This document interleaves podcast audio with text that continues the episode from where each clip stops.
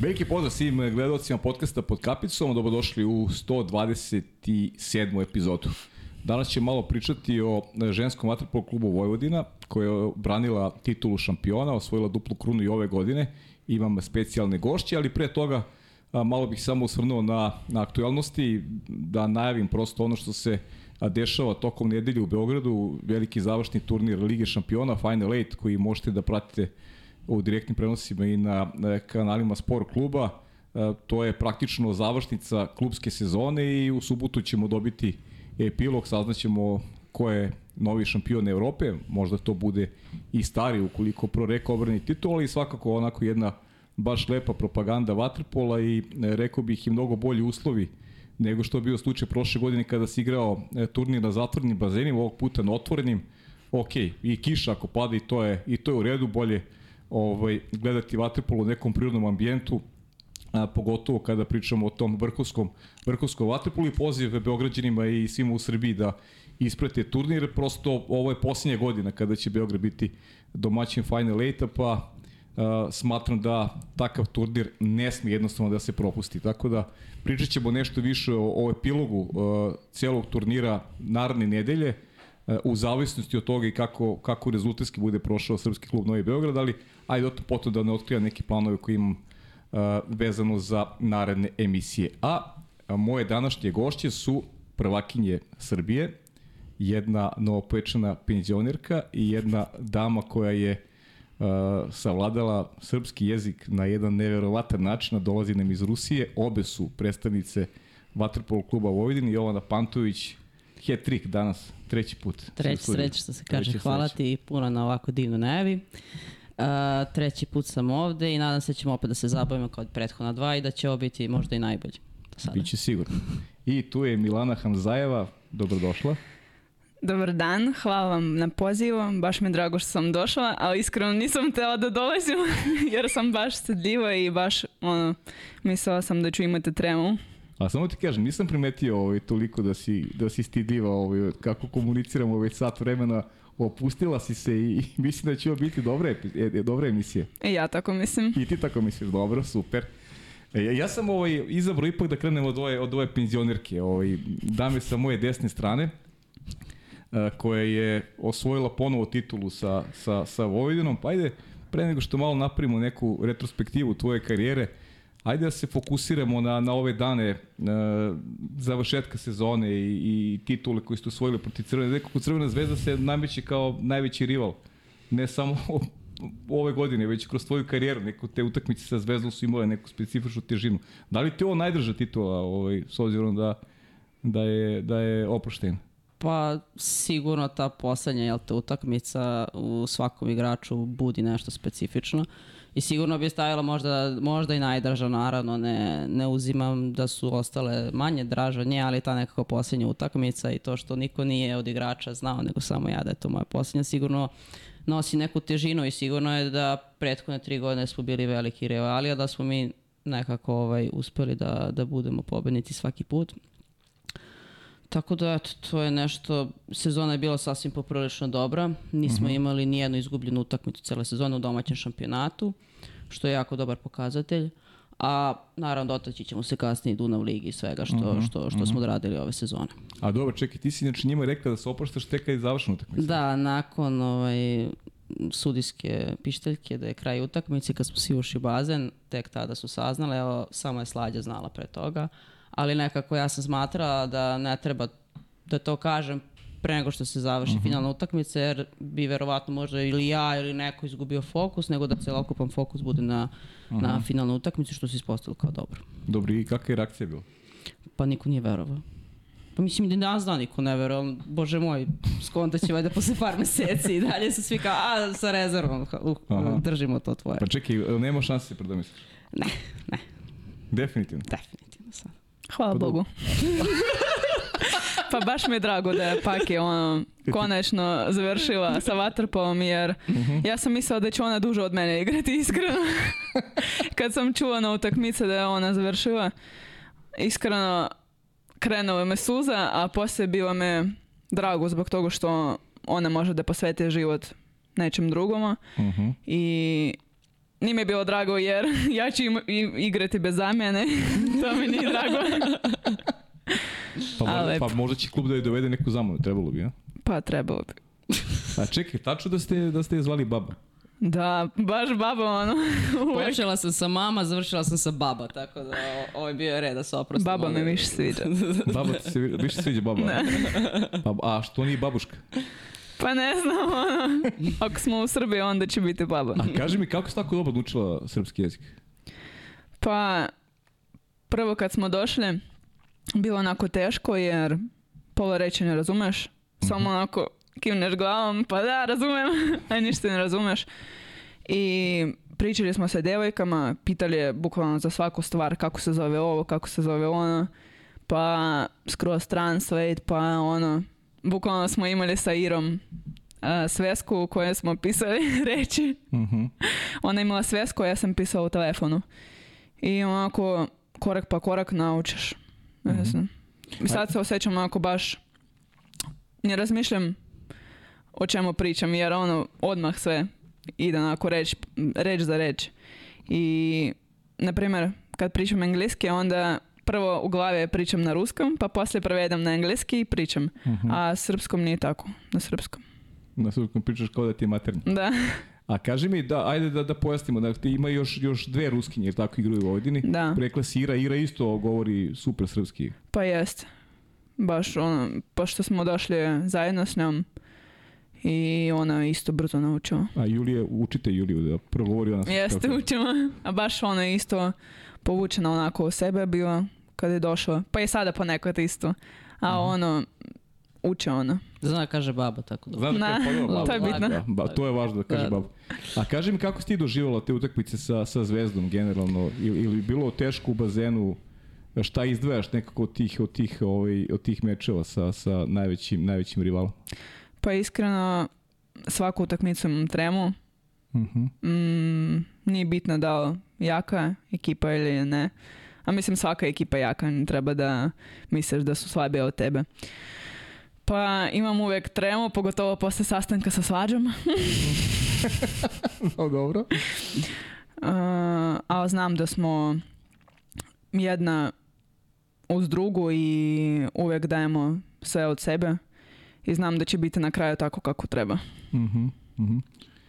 Pak je ti, ovaj, Zvezda, šta je neka specifičnost, ajde, ili, ili, ili, baš tolika razlika u kvalitetu između Zvezdi i vas i ostatka lige? Pa u ovom momentu, nažalost, jeste, jer Mhm. Crve- Zvezda i Vojvodina prednjače sigurno u tom nekom individualnom kvalitetu, dok ostali klubovi uh, imaju dosta mlađih igrača koji, sa kojima se mora raditi. Tako da, ukoliko bi se potrudili zadržati te mlađe igrače i napravili neki adekvatan program, možemo nešto očekivati. Za sada, kažem, Zvezda i Vojvodina drže sigurno tu par lestvica više, ali opet ajde pokazat će vreme da vidimo šta će se desiti. Ka, eto, Spartak se ove godine pokazao kao jako zanimljiva ekipa, njih bi volila da izdvojim zato što su ono ušli u te prve četiri, nenadano, čak su se imali ono par duela sa Partizanom, bli, bli, spustili su gol razliku, tu se nešto dešava što je super i to su sve devojčice iz njihove škole, što je to ono, super pokazati da se nešto radilo, da se nešto dešava. E sad poenta je zadržati ih na okupu. Mhm. E, a kaži mi, koliko uh, devojke kao što su Milana i Ira, koliko one donose kvalitet, doprinose kvalitetu, većem kvalitetu a, lige i koliko devojke ovde mogu a, mogu da nauče od njih s obzirom da je onako Rusija prepoznatljiva kao jedna velika baza svetsko žensko vaterpola, možda jedna od najboljih selekcija sveta je. Pa je- nažalost, sada ne može da igra, da to pokaže ovaj, na, na veliki turnir. Da, pa sigurno ja, ja i dalje tvrdim da je ruski vaterpola crtica ženski, najbolji na svetu, ne samo u Evropi, da oni sigurno donose tu neku dozu energije, brzine, reakcije, sve imaju dobar pregled igre, na svim pozicijama mogu da odigraju jako korektno, šut s polja, na sa dva metra i tako dalje i, i uz njih da kažem povuku ove mlađe igrače da, da se one trude da dostignu nešto što one imaju. Tako da su one sigurno doprinale da, i, da liga bude bolja, da igračice napreduju i ovaj, nadam se da će u budućnosti to, to, to, to držati kako treba. Milana, kako si ti doživjela generalno kada si došla u Srbiju, taj neki nivo kvaliteta vaterpola i si, i si bila iznenađena, u, u ostalom šta, si, šta te je dočekalo? Kakva je bila tvoja reakcija generalno na, na ženski vaterpolo u Srbiji? Pa ima baš velika razlika između Mhm. ruskog vaterpola i srpskog jer prvo što sam primetila da ono svaka ima svoju poziciju i svaka ono čak na treningu samo na svoje pozicije.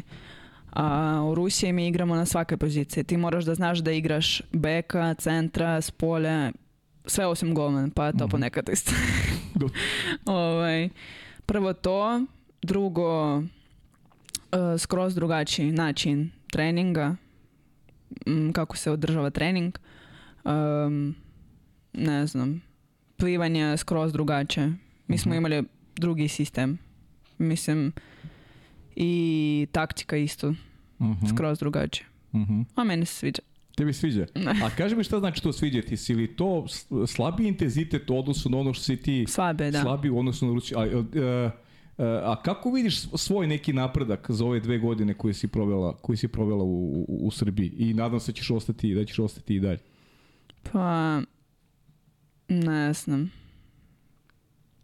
Znam da ovaj, po, postala sam mirnije na utakmicama. Aha. Ovde, pošto skroz drugačiji mentalitet. Mhm. Znači, u Rusiji smo, ono, svađamo c- svaku utakmicu. I s trenerom i sa između devojaka. A ovde onako treba da poštuješ svakog. Nije ni bitno mlađi ili stari. Ono mi se sviđa isto. Da. Više, više ti to prije Da. ovako, na, nekom, na nekom ljudskom nivou. da. I ono, mm, nema takvog odnosa prema babi. Kao što je u Rusiji. Mislim, u Rusiji ono, redko bude tako da možeš da priđeš, da se družiš, ono. Sa starijim igračima. Da. Mhm. Ti više se bojaš ovih igračica. Mhm. A babu niko se ne boje, pošto je ona dobra. Sjajno. Kakve su devojke ovi? Baba prihvatila si ih sve, mislim. Pa jeste, jeste, bile su one super. Mislim, oni su pr- prva tri meseca ćutali, onda više nikad nisu prestali da pričaju, tako da je to bilo, ovaj, bilo je ono kao na početku malo, malo komunikacije, malo išlo teže i onda se morao naučiti tipa 5-6 ruskih reči, pa ajde da vrtimo dok se nešto ne desi. Ali posle tri meseca su već počeli da razumeju sve i onda su počeli da pričaju, tako da, da ono, super su se snašle i lepo im to ide i sigurno su donele ovaj, neko osveženje ovoj ligi i klubu i svemu. I evo, kao što vidiš, perfektno pričaju srpski jezik i da nema tu nikakvih sad barijera niti problema. Pa pazi, bolje priča, bolje priča Milano od Gusarova, to, to Da, moram da, ti da, kažem. da. Da, Dobro. definitivno. Hvala. Da. Odlično je, odlično je. I Jeste. ona je Ira, a Julija je tu, tu je, stiže ih, stiže ih. Ništa, Ira i Julija će sledeći put da budu gošći kod Eto, ovih eto, Vojvodina. rešili smo to to situaciju, ćemo tako da Ira i rešimo, Julija se spreme. Nek se spreme, da. Da. E, kaži mi, ovaj, ajde malo, opet, ajde malo da se vrati još malo na ligu. Ovaj. Ti si prošla svašta generalno kroz i, i, i ranijih godina si htjela i da se oprostiš i tako dalje. Uh, kuda ide ovaj, šta ostavljaš ovaj omanet o, ovom ženskom vaterpolu? Šta ti se čini da, da tu još možda se popravi, ima, li nade da se, da se neke stvari poprave? Šta ostavljam i šta, da li ima nade? Pa, meni je drago što je počelo nešto na tom finansijskom planu da se menja, ajde poslednjih par godina i, i, i to je super stvar, naročito za ove mlađe igračice da imaju neki, kažem, ovaj, motiv za, za više i za dalje. E sad, opet, ka, opet se vraća ono što sam rekla sto puta reći i sto prvi, da gubimo najviše igrači između 18 i 23 godine, što je najveći problem ovog sporta. I da se nadam da će to da se promeni, opet kažem, s marketiške strane se promene neke stvari. Uh, i volila bi, ajde sad, da i to kažem, da, da Savez konačno promeni ugao gledanja na ženski materpolo i da to ne bude više neki papir u fioci, nego da to ide nekim, nekim, nekim adekvatnim tokom i da se podigne liga koliko god je to moguće. Da li, kažem, klubovi opet ne mogu sami, treba im pomoć i opet uh, povući paralelu sa ženskim futbalom. Ako se tu nešto promenilo, ja stvarno mislim da, da postoji prostora da se promeni ovde. I nekako, kažem opet, televizija je najjači medij. Koliko god mi koristili društvene mreže i bilo šta, televizija će ovde i u budućnosti biti najjači medij. Pa eto, smatram da baš, bar jedna ta finalna utakmica postoji prostor da se, da se prenese. Eto, bar je mogla jedna da se prenese. Mm -hmm. E bi onda sigurno neki ugao gledanja ljudi ili šta god se promenio. Eto. Mhm. Eto. A koliko, koliko ima, ajde sad kažem, koliko je uspeh taj Vojvodine koji traje već godinama unazad, koliko je uticao da se broj devojaka koje, koje žele da treniraju vaterpolo uh, poveća, da, da, da, li, da, li, da li si tu primetila neku, neku promenu konkretno u tvom klubu? Da, da, na, pojavio se dosta veliki broj devojčica koje treniraju, sad je to, ne mogu da ti kažem, uzrast, uh -huh. pošto se ne bavim time, ali videla sam dosta devojčica na bazenu i jako mi drago zbog toga. Opet kažem, uh, svaki uspeh vuče dolazak dece, uspeh reprezentacije, uspeh klubova, uh, svaki sport koji zabeleži neki progres, medalju, dolaze deca. Tako da mislim da i Vatrapolo bi sigurno ukoliko bi se napravio neki progres malo veći, malo neki veći uspeh dovuko decu. Ako je to uspelo u Novom Sadu, može da uspe bilo kom gradu. Uh -huh, uh -huh. Eto, i na nivou države, naravno. Pa da, da, to bez, bez podrške naravno nema naravno, ništa. Naš, naši sam kad su košarkašice uradile nešto, do, veliki broj dece se Jeste. pojavio, rukometašice i tako dalje. Ono, mislim da može. Mislim mm. da može i kažem, eto, istakla bi taj beach waterpolo što je jako zanimljivo. Po meni, da i tu može neka pričica se napravi zbog marketinga i svega, da se u nekom momentu pošli neka ženska ekipa. Da, da, sad je muška nije muška. baš imala, da, nije imala uspeh, ali nema veze, krenulo se. Ovo, krenulo se i to je super stvar. mrtve tačke, to je super da. stvar za, za marketing generalno waterpola. Da, da, da. Da, da leti postoje neke priče, neke Naravno, neke kad su pauze, da se leti na nešto igra i da budu u, u nekoj priči. Šta uh -huh, uh -huh. E, Milana, kaži mi, ovaj, ajde kad pogledaš malo, ajde pričamo još malo o, o, o ligi, pa ćemo se vratiti negde i na, i na tvoju karijeru i kako si došla u Srbiju, e, kada onako pogledaš ekipe, rivalke, ili ima neka igračica koji ti se onako baš dopada, a da, a da ne igra, da ne igra u Vojvodini? Si razmišljala o tome?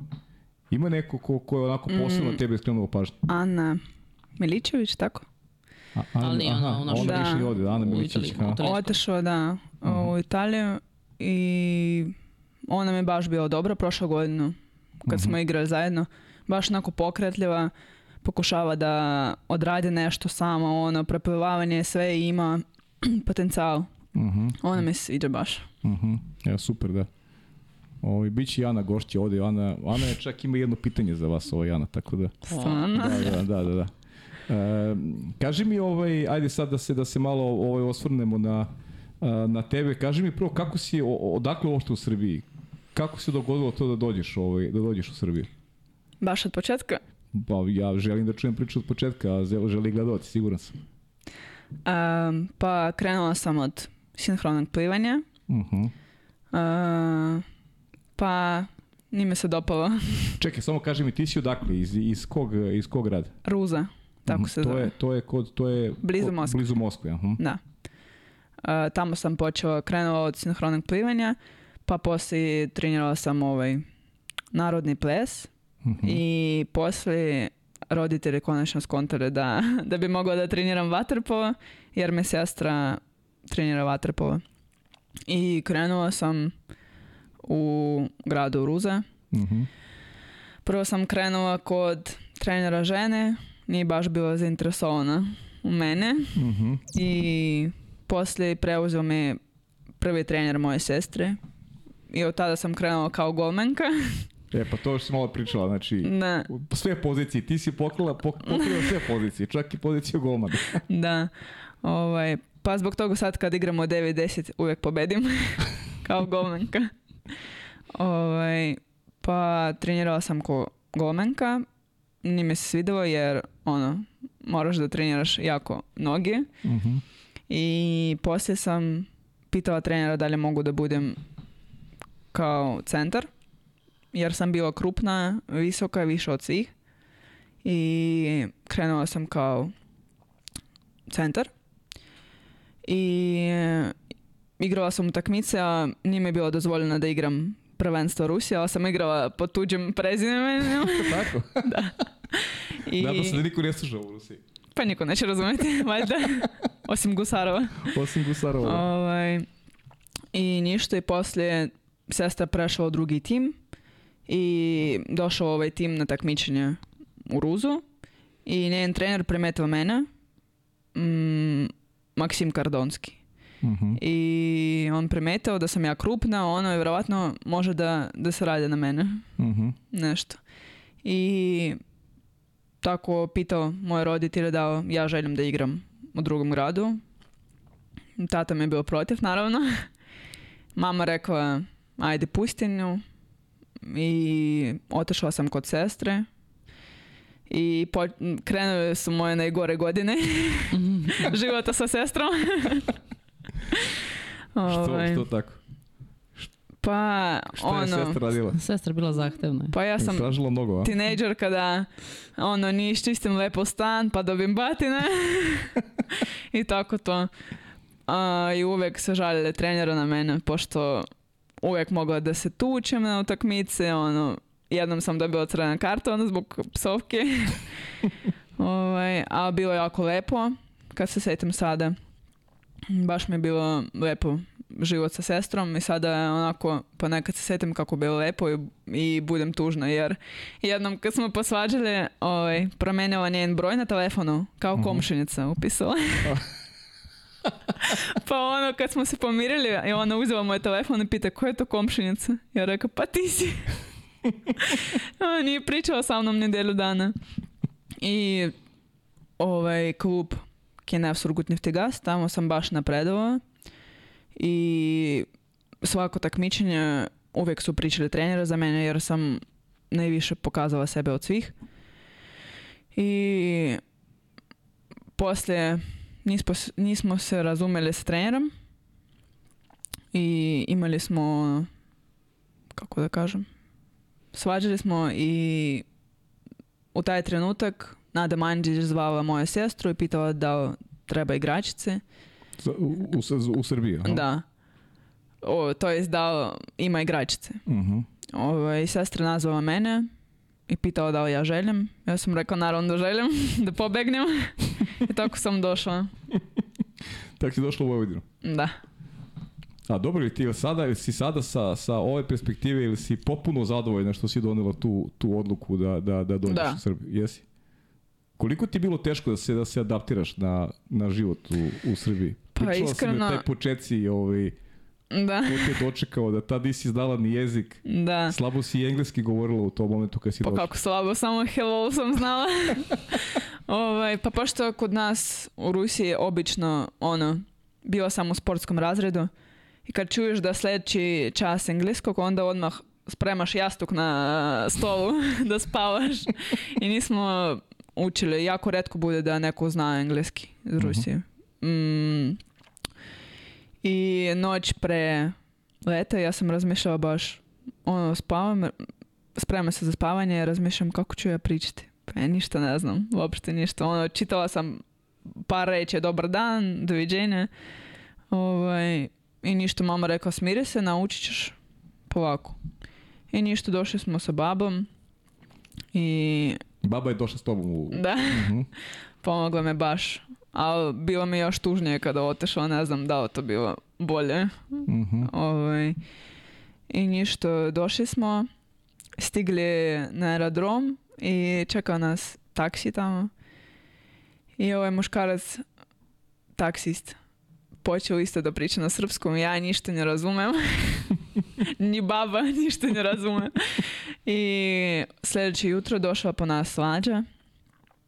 I- Slađe Drezgić, trener. da. Ovaj, I mi smo izašli, ja, Ira i moja baba. I ona kad počela da priča engleski, mozak mi se slomio, ništa nisam razumela. A ono, bitno da kimneš glavom i to je to. I krenuli smo, ona pokazala gdje imamo ručak, gdje je tržni centar, sve ono što je Tržni bitno. centar prvo. Pa, Pa da. naravno, da. Prvo tržnica. pa ručak, pa onda baza. Tako je, onda baze, Baza na kraju. baze na kraju. Ovaj, I ništa, mi smo se vratili kući, pa poslije nas pokupio drugi trener. I ušli smo u auto, baš se sećam sada. I on nešto me pitao, ja rekla, mhm. A Ira mi pita, ja se razumela što on rekao, ja rekao, ne. Ovo je počeo da se smeje, znači suze mu krenuli. I došli smo na bazen i toliko sam imala tremu, bukvalno srce me tako proradilo brzo. I došli smo, baš me je iznenadila slačionica, pošto mi imamo skroz drugačije. Aha.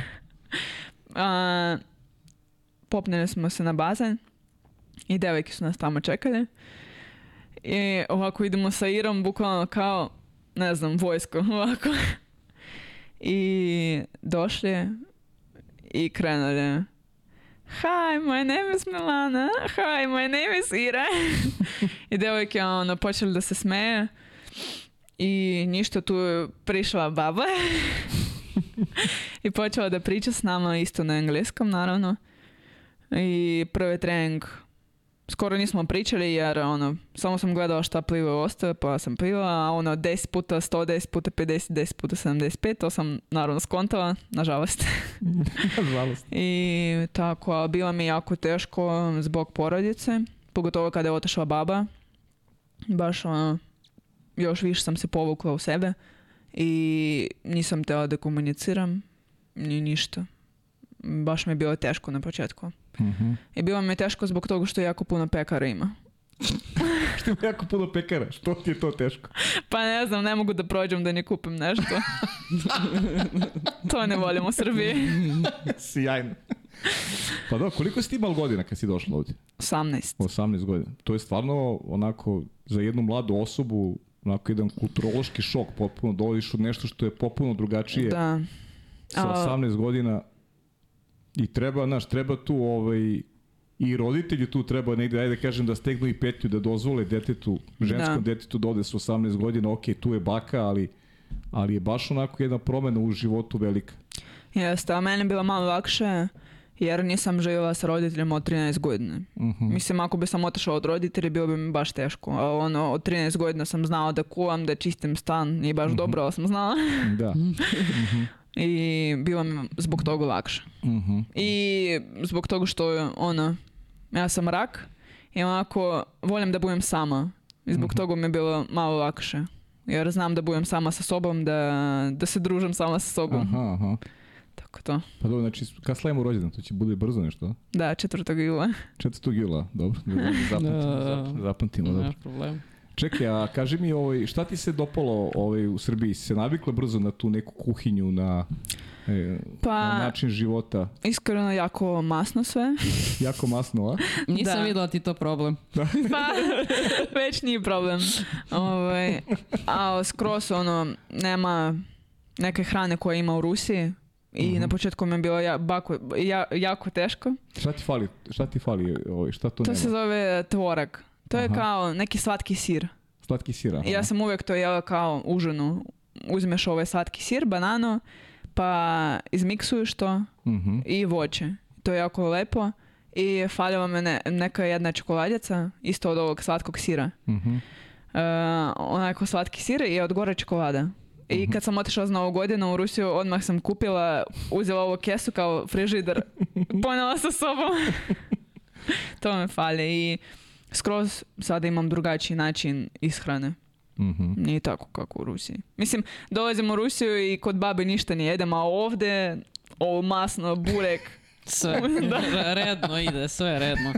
Palačinke, burek, šta, o, sve. Znači, sve sad. Pohovano. Pohovano. Kao je sve. omiljeno, da. I piraneć, naravno. Mhm. Dobro, znači sad si, si- sad si ti negde postala si, srpkinja si postala sa prava. Jeste. Jeste, a? Da.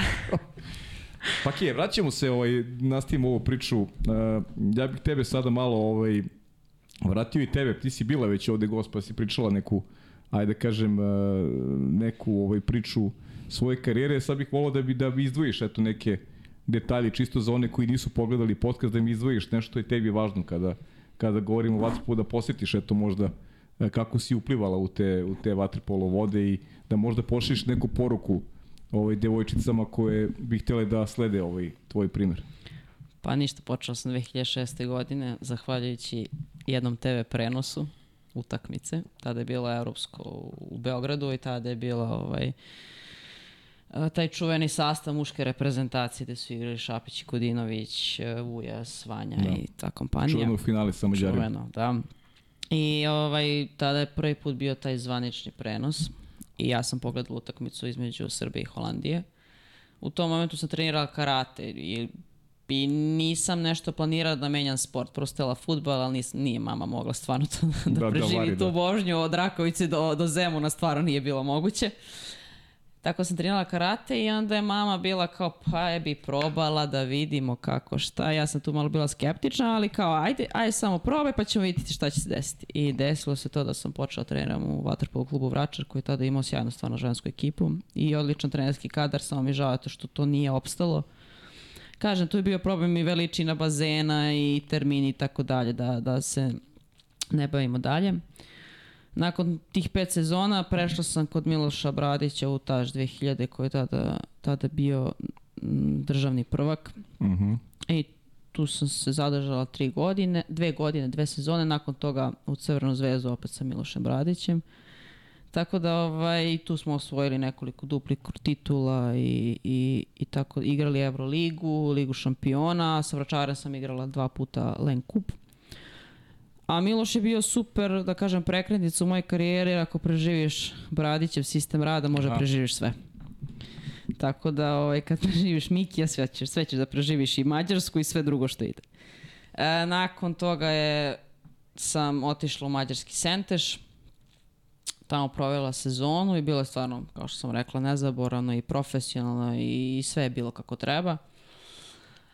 Uh, onda se vraćam u Crvenu zvezdu. Nakon Crvene zvezde se pojavila Vojvodina kao, kao klub koji ima neke visoke ambicije i neku osveženje u mojoj uh -huh. karijeri, da kažem, i tu, je, tu sam desam. Što se tiče reprezentativne karijere, ovaj, 2009 sam prvi put debitovala na Evropskom prvenstvu u Napolju do 20 godina gde je bio selektor Uroš Stevanović. Nakon toga sam sa Acom Krstonošićem bila na Evropskom za junior 2010. 2015. univerzijada u Južnoj Koreji, 2016. čuveni Beograd i Evropsko prvenstvo u Beogradskoj areni, što možda je sigurno vrhunac neke moje karijere i kad bi mi pitali šta je vrhunac karijere, to je to. Ne, Da, nema da. dalje. Nakon toga je bila Barcelona 2018. i Budimpešta 2020. godine. Uh -huh. Miksa, ajde da pustimo jedno, jedno video pitanje da... Ćao, Jovana Miksa ovde. E, Pre svega imam jednu konstataciju, e, želju u ime svih nas ljubitelja vaterpola. E, Ako je Sale mogao u futbalu svojim navijačima da ispuniš 3-4 sezone više, nadam se da ti nama možeš još jednu barem.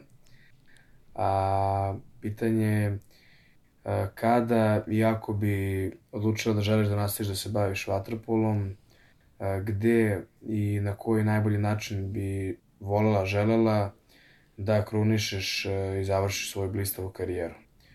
Sportski pozdrav za celu ekipu, pa se čujemo nekom drugom prilikom. Ćao! Uh -huh. Hvala Miksa, divan si kao i uvek. Ovaj, Miksa ludira, to treba produžim karijeru. Tako je. Kao i mnogi. A i on nije verovao da sam završila, ali ne veze. Oj, pa ne, ne znam sad, ovo je možda najbolji način da se oprostim. Jednostavno nisam videla bolji način od ovoga i završila sam u svom gradu i pred svojim dragim ljudima i nekako ne vidim, ne vidim ni klub, niti bilo šta gde, gde bi mogla na bolji način da završim. Znači ovo Vojvodina, Beograd, tri za- uzastopne duple krune, sve se poklopilo, sve je bilo kako treba. Nina mi je to ustupila tu čast da ja umesto nje podignem pehar, tako da nekako sve se poklopilo na najbolji mogući način i ne vidim da, da, da bi bilo neki bolji način ili boj, veći izazov od toga. E, znaš šta, ajde, ovo mi je sad šlagvort jedan, jedan dobar, uh, pošto je ovo neka priča i, i, i o, o, vas, o vama, ali je priča o, o Vojvodini. Pa, uh, upravo si pozvana s obzirom da te negde je Vojvodina i vratila iz one, iz one prethodne ovaj, penzije, praktično, da, da malo ispričaš ovaj, o, o, o, o Vojvodini, neki, neki svoj pogled kao jednom svetlom primjeru kada govorimo generalno, ja bih rekao o ženskom sportu samo, ne, samo, ne konkretno o ženskom vaterpolo klubu Vojvodine, generalno o ženskom sportu znamo na kojim granama je ženski sport, ako, ako ne pričamo možda i o tim odbojkaškim klubama, ali i odbojkaški klubovi više služe kao neka, ajde kažem, odskočna daska za te devojke i devojčice koje, koje imaju prohodnost opet za razliku od vas da, da ovaj, i lepo žive i igraju negde u, u, u inostranstvu. Pa sigurno Vojvodina je došao u nekom momentu meni kada je bio problem i s koronom i sve, kada sam ja videla neki kraj karijere, nisam imala neke ambicije ni da odem preko ni ništa. Jednostavno situacija je bila kakva je, kakva je bila, ne, neadekvatna za sport u tom uh -huh. trenutku. I onda su oni ljudi iz Vojvodine zvali, i prikazao neki prani program za narednih nekoliko godina, što je mene ono poprilično iznenadilo, jer nažalost u ovom sportu svi živimo od danas, sutra, preko sutra, oni su imali neki prani program za narednih nekoliko sezona. Uh -huh. I tada je stasala, kažem, ta generacija 2000 i mlađe sa Ninom, Švec, Lolitom i svim tim devojkama, Dunjom, koje su, koje su obećavale. Došla sam tamo i shvatila da da bi trebalo na bilo koji način da im pomognem kako igrački, tako sa neke moje ljudske strane. Jednostavno zauzela sam taj stav da možemo svemu da pričamo, možemo podeliti zadatke, nisam bila neko ko zahteva od njih, niti ko se ponaša možda strogo. Stvarno sam se jer nekako ja kroz neku svoju karijeru sam shvatila da je mnogo bolje ljudski pristup nego taj pristup nadređeni i podređeni. Ok, imaš trenera, ali da igrači budu negde tu da mogu da komuniciraju. Tako da sve funkcionisalo stvarno, što kaže, sve išlo uz mm -hmm. sve je bilo kako treba. Svi mogući ciljevi koji su zacrtani su ostvareni. I to je pokazatelj da sve išlo svakako treba u tom, u tom procesu. I jako mi je drago što eto, će se to i nastaviti. Uh -huh. Dobro, to je ona priča, klub što, što obeća, to ispuni, Naravno, to je ono što je, što je najvažnije. Da. Pa oni prednjače sa tim uslovima, jer vi kad imate baze na raspolaganju, teretanu propratne objekte i ispunjene sva obećanja koje su data, uh -huh. tu nema apsolutno nikakvih problema. Uh -huh. Tako da što tiče obećanja i uslova, svaka čast. Do termini, koliko vi imate termine koje koliko god da, hoćete, pa, tako? Da, apsolutno bazen je na raspolaganju Waterpolo klubu, mi biramo termine, imamo na raspolaganju teretanu kad god želimo da je koristimo i to je nešto što nažalost u Beogradu je veliki problem. Veliki da. problem je u Beogradu jer je na jednom bazenu i sinhrono i skokovi u vodu i plivanje ovde je isključivo bio vaterpolo na bazenu, povremeno dolaze plivači, ali nekako sve usmereno na vaterpolo i što je sjajno za neki razvoj sporta, ne samo muškog i ženskog. Uh mhm. -huh. Milana, ti igraš, igraš na cent, poziciji centra, tako? Da. Ali i rekla si, učila si u Rusiji da bukvalno igraš na svim pozicijama ili, ili si sad isključivo tu na toj centarskoj poziciji ili, ili ovaj, imaš nekad ovaj, neke druge zadatke? Pa, više vremena budem na poziciji centra. Uh -huh. uh, pa nekad kad Paki uđe na centra, onda ja s polja. Mm, jako redko budem kao bek. -huh. Mhm. jer imamo Anju Švec i Lolitu uh. Uh -huh. Oni su baš dobre. pa tako. U Rusiji sam igrala više na svake pozicije, a ovde više kao centar. Uh -huh. I ti to više, da najviše odgovara nekom tvom ovaj... Najviše volim da igram svaku poziciju. Najviše voliš da igraš svaku poziciju? Da. Pa ne, Milan i ja smo se sjajno dopunjivali ove dve sezone, da. jer ako ona uđe, ja izađem ili obrnuto, stvarno ono u svakom momentu je mogla da slađa račune na mene i na nju, da li ću ja ući na centar ili ona, stvarno nije bitno, ali smo se stvarno sjajno sarađivale. Aj sad ti mi kažeš da neću ni da pita, kakva je spolja kad igraju? Odlično. Odlično. Odlično. Može i beka da odigra. Može da igra, može da igra sve, znači. Može sve. To je ta, znači, polivaletnost, ta, ta škola ruska, znači. Da, da, da. da. A, čuo si imaš nešto, ovaj, da, da praviš sjajne kolače? Jeste. Hmm? Za svoj tim pravim. Samo da znaš, Miksa mnogo voli kolače, to sledeći put to je kad budeš dolazila. Važe, doneću obavezno. Donećeš obavezno. Da. A kaži mi, ovaj, kako gledaš na, na ovaj, mogućnost, ajde sad, a pazi samo polako, ovaj, kad bi te zvali da igraš reprezentaciju Srbije, šta bi, ovaj, šta bi uradila? Pa ne znam. Si razmišljala o tome uopšte? Mm, nisam baš o tome razmišljala jer ne znam šta će biti sledeće godine. Mm -hmm.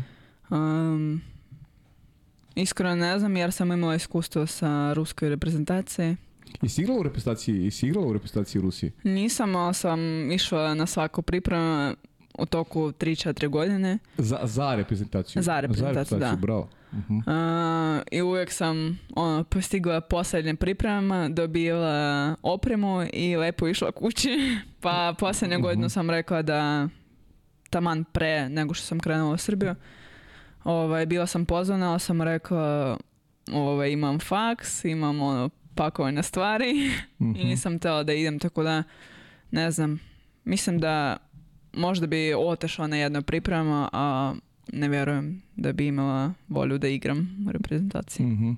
A kaži mi, mentalno, znači, to, to, kako, kako si utiče onako baš loše pa, kad prođeš cele pripreme i onda ispadneš sa spiska?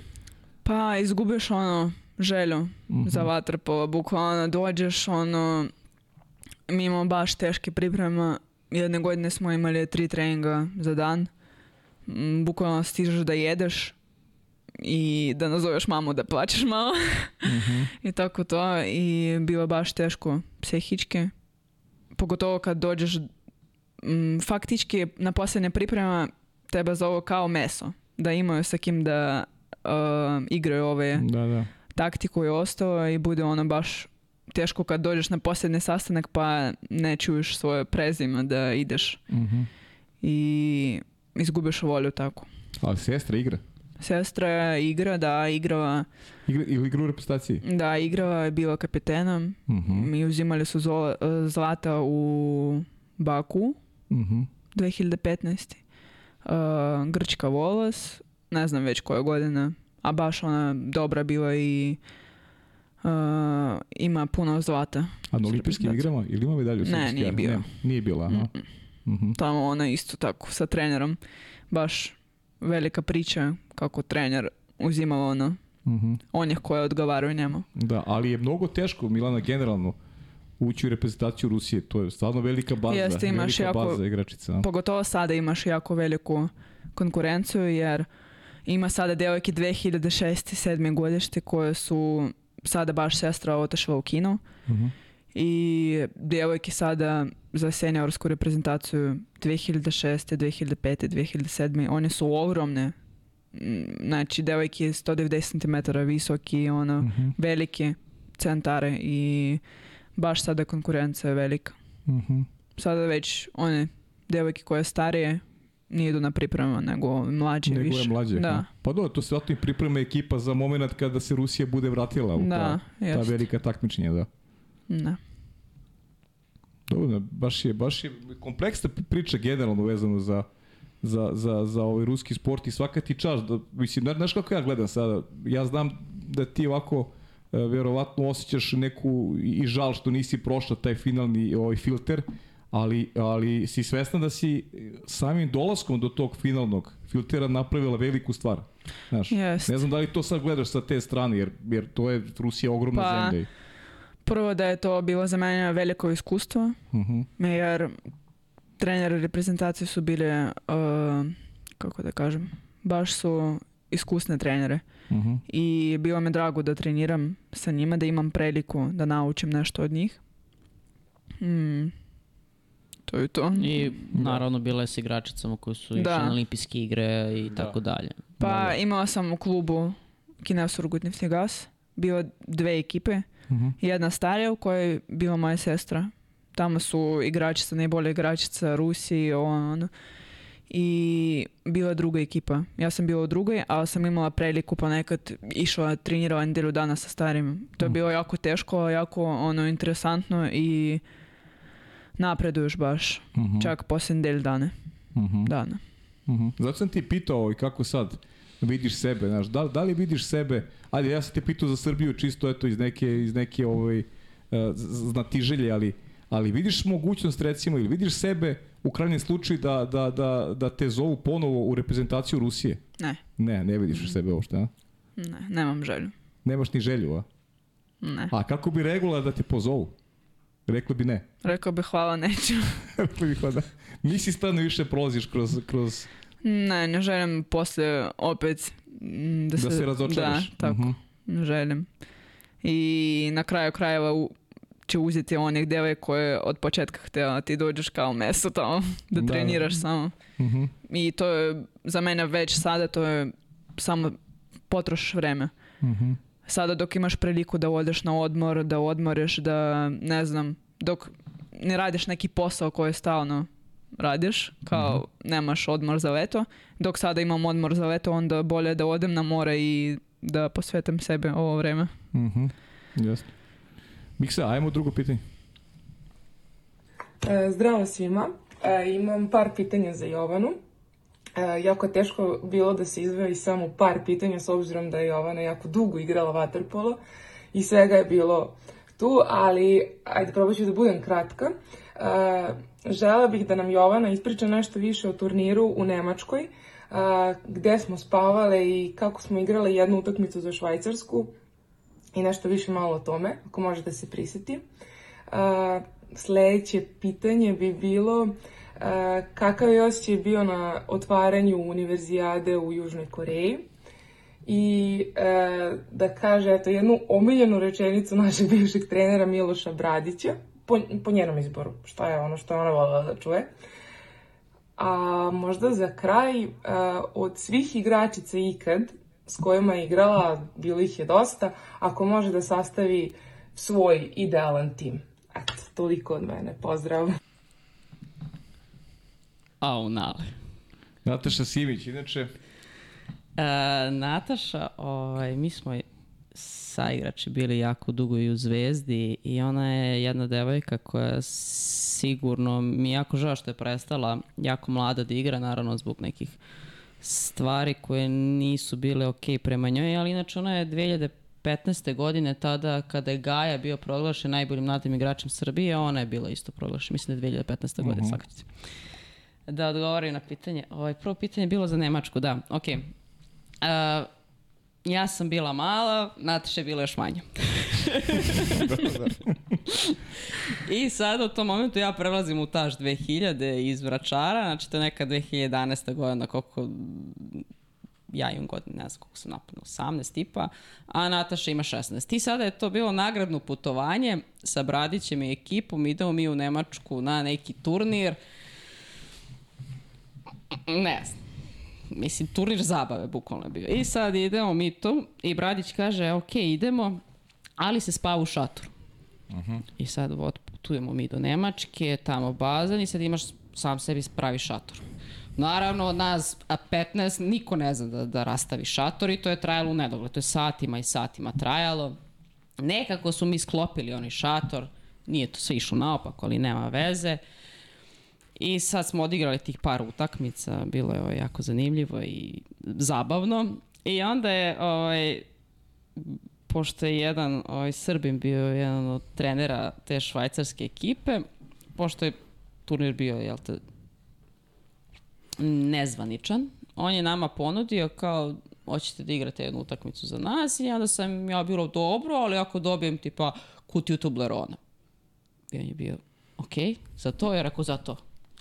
I onda sam ja zakutio Toblerona odigrala utakmicu.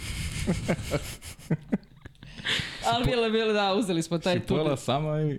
Pa podelila sam. Mislim sa Snežom Sokolović i ona je, ovaj, ona je sa mnom igrala. Ne bih rekao da se podeljava s obzirom na to kako si jela palačinke.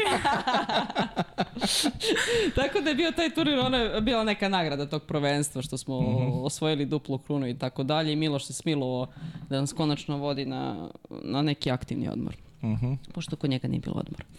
A, drugo pitanje, šta je bilo? Ja, podsjeti me. Podsjeti me. Šta je bilo drugo? Šta je bilo drugo pitanje? Ja sam...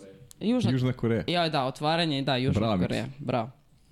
A, mi smo otišli na univerzijadu, ali to je bilo totalno odjednom bum, ide se na univerzijadu, sklapa se ekipa i sad mi, niko nas nije očekivao da je to taj nivo jer to je bukvalno bilo paralelno kao da su olimpijske igre. Uh -huh.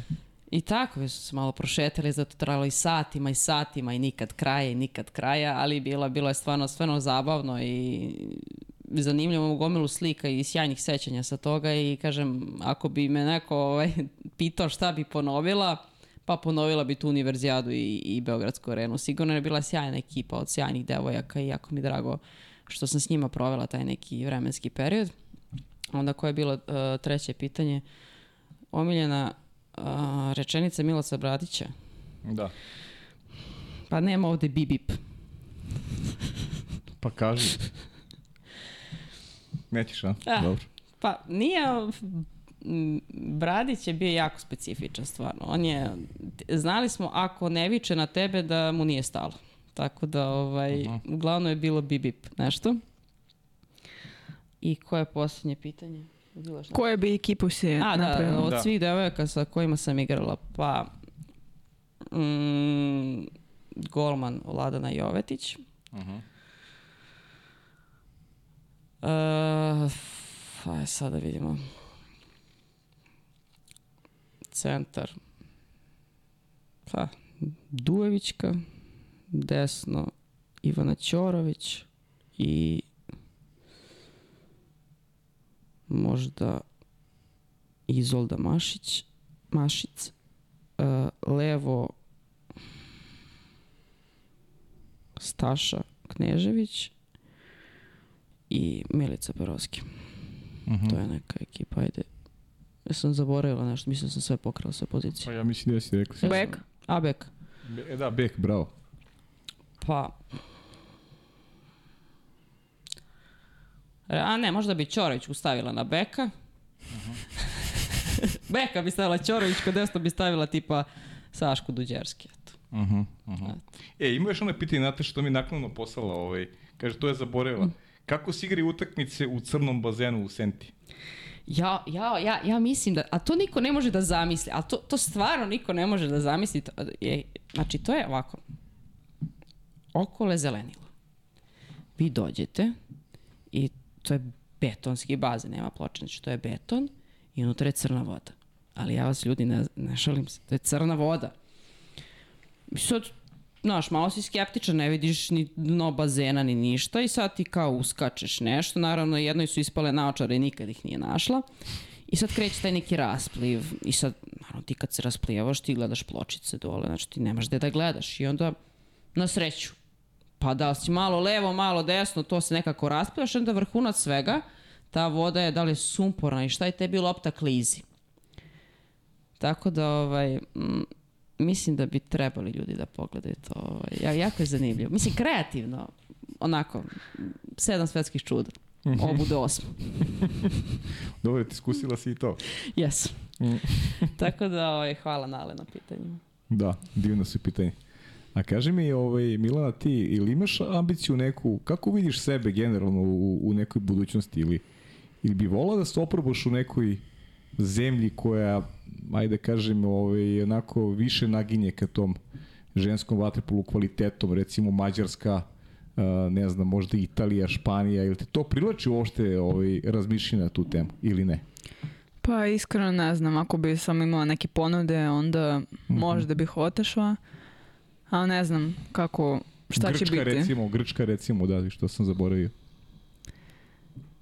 Pa sve zavisi kako ponuda. Sve zavisi ponude, aha. aha. možda bi otešla, verovatno bi otešla, probala bi nešto novo. Mhm. Mm, ali ne znam sad. Da, dobro, to je Kako, sad. kako, kako će biti život za par godina. Da. Dobro, za sada su znači neke ambicije vezane su za Da, vezane su za, za, za Novi Sad, za Srbiju. a? da. Da. A dobro, kaži mi ovaj, m, kada pričamo još o, o nekom, nekom, ajde da kažem tvom nekom vaterpolu, kvalitetu, šta misliš da ti još, šta treba da popraviš još da bi, da bi bila, ovaj, da bi bila bolji igrač? I koliko radiš e, na- ili nešto što se zove individualni trening ili radiš nešto nešto dodatno ili šta, šta ti smatraš da treba da, da popraviš da bi bila kvalitetni igrač? Pa ja bi voljela da pojačam teretanu. Aha. Uh, plivanje naravno, Mhm. tehniku plivanja. Uh, I neke individualne vježbe za centra. To. Mhm. To bi voljela da radim sljedeće godine. Mhm. Ili ima ko tu može, ili, ili ima tu nešto što, ajde kažem, taj neki id- individualni rad, ili imate trenera sa kojim možete recimo da i da tu posvetite možda malo veću pažnju da... Pa da, radilo se ove sezone, aha, naročito tako. na, na Mhm. poziciji centra se, se dosta radilo ove sezone što se tiče individualnih stvari. Mhm. Tako da, bilo je okej. Zadovoljni si u tom pogledu, a? Pa, jest. Jesi, ja? jest.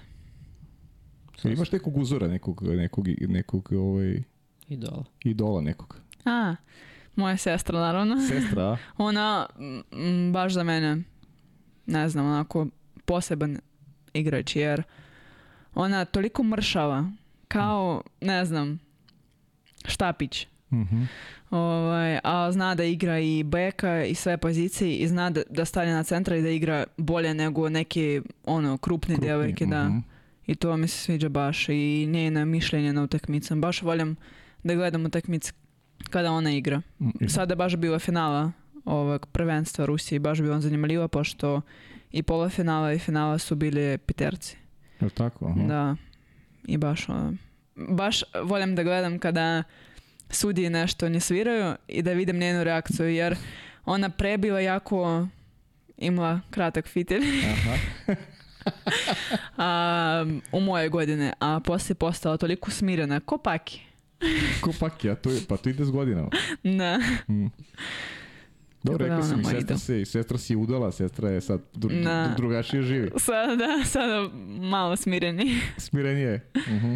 A čekaj, uzela titulu, jeste? Jeste. Osvojila je titulu, a? Osvojili su, da. To je koji klub? To je Uraločka, Uraločka, a? da. Uraločka ima, to je, ja znam da ima i dobru i, i odbiku Je. žensku i da, to je baš, baš poznat klub. Jeste, ja mislim. Jeste, da, imali su, ja mislim da su oni čak bili prvakinje Evrope u ženskoj odbici, ako se ja dobro sećam. Ja nisam ispratila tako da... To da. i ni ja nisam. Da, da, da, davnih dana, ali pa ja, ja Uraločka znam po ženskoj odbici. Eto. Mm. Miksa, hoćemo još jedno pitanje? Pozdrav za sve u studiju. Ovaj, pak imam dva pitanja za tebe. Prvo pitanje, e, da li se sjećaš treninga na dan svog 18. rođendana, dok si još bila u Vračaru? Um, da podeliš tu priču sa nama ako se sećaš. E, I drugo pitanje, s obzirom da si fonovac, e, da li imaš razrađen svoj budući biznis plan pošto mi svakako treba za seminarski na fakultetu, tako da značilo bi mi da podeliš s nama. Pozdrav svima! E, hvala, pričala si je to Ani, evo i Ana. Jao. Puno Ani. To je... Jo bože, kad je to bilo baš davno? Ja mislim da je Ana... Ko je Ana? 2003. Moj 18. je bio 2011. Pa ne znam, da. Baš je bilo malo. Da. Ovaj, pa trening, ja, ja sam, sad, sad sam se vratila film.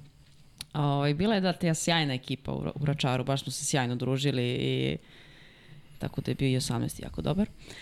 Ovaj, ja mislim da smo imali nikad teži trening. Nešto se plivalo, bože me sačuvaj, znači nikad kraja. Ja mislim da sam čak i ja morala neku kaznu da otplivam, ako se ja dobro sećam, ali nisam sigurna. Da, da, da, da, bilo je nešto Bože sačuvaj i onda sam ja ostajala duže da otplivam tu kaznu.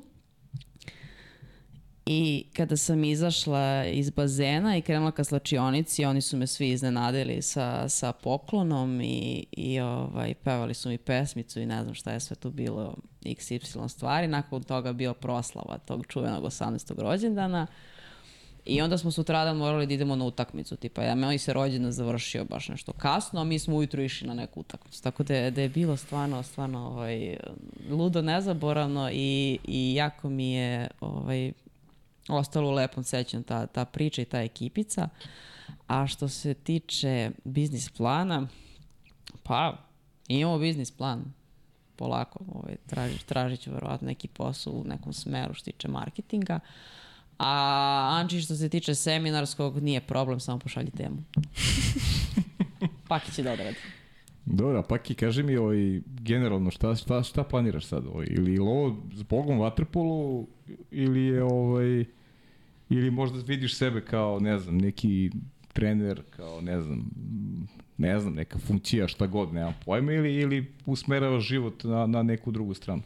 Pa sigurno će prvobitno biti da usmerim ne, da kažem da se usmeri tamo gde vodi moje obrazovanje. E sada, uh, sad iz ove perspektive ne bi volila da se bavim vaterpolom, ali opet kažem šta god sam u životu rekla da nikad neću, to sam uradila. Tako da, vaterpolo će ostaviti otvoren po strani.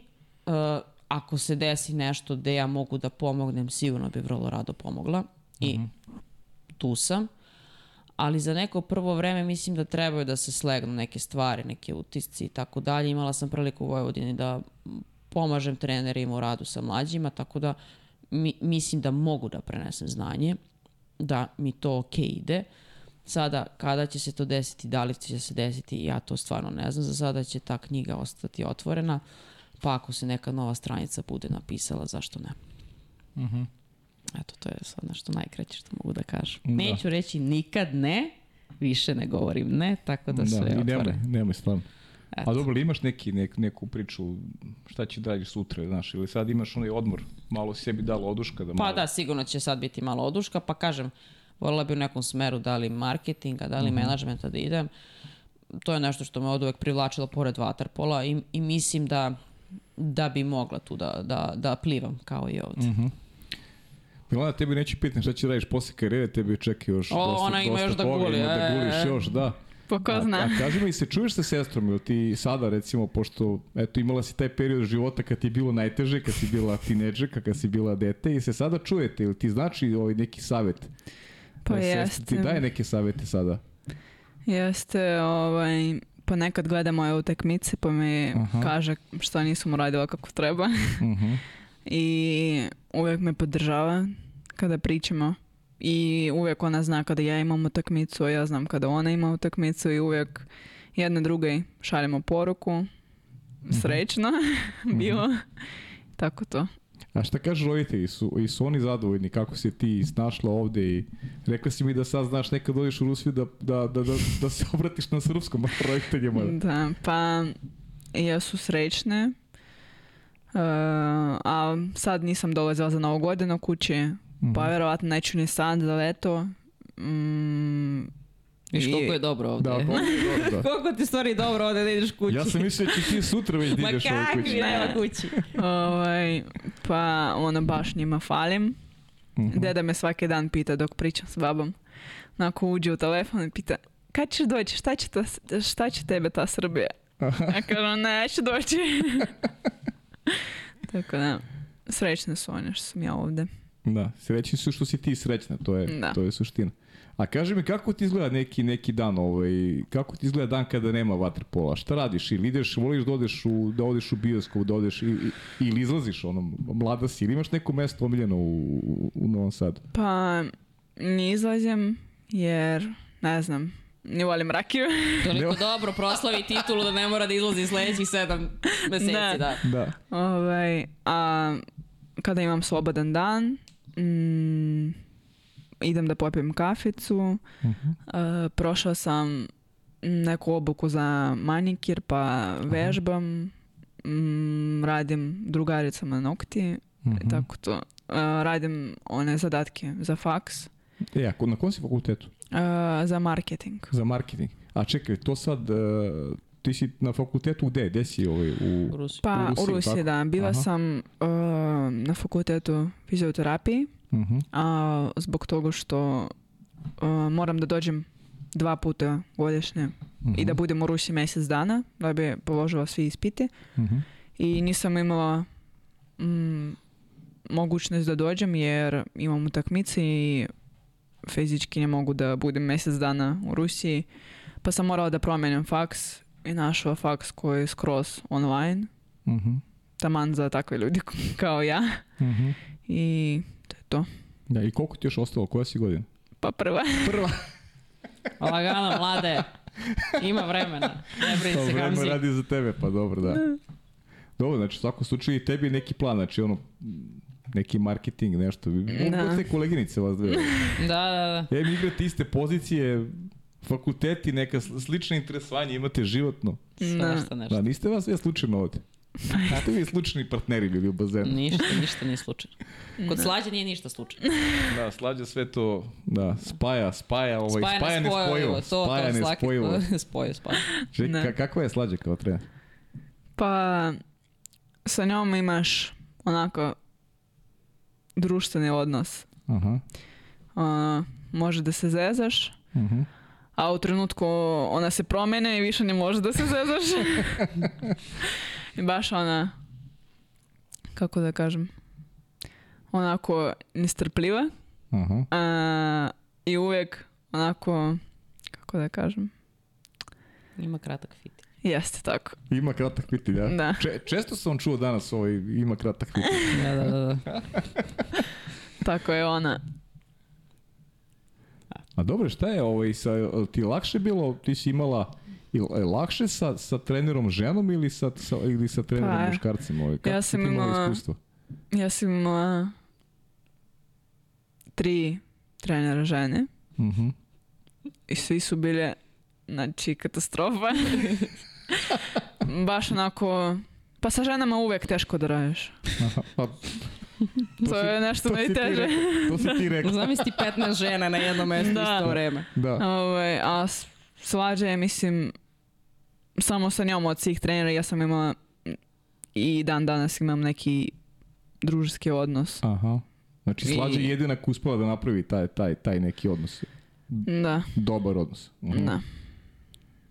A sa muškarcima ko- s kojima si radila? Pa ne znam, ono, to je skroz nešto drugo, Mhm. jer sa njima ne možeš tako da se zezaš sa muškarcama. Aha. Ne možeš ni da, ne znam, Mislim, muškarci, oni su osetljivi na to nekako. Aha. Aha. I kad počinješ nešto da pametuješ, kako bi rekao svađa, Mhm.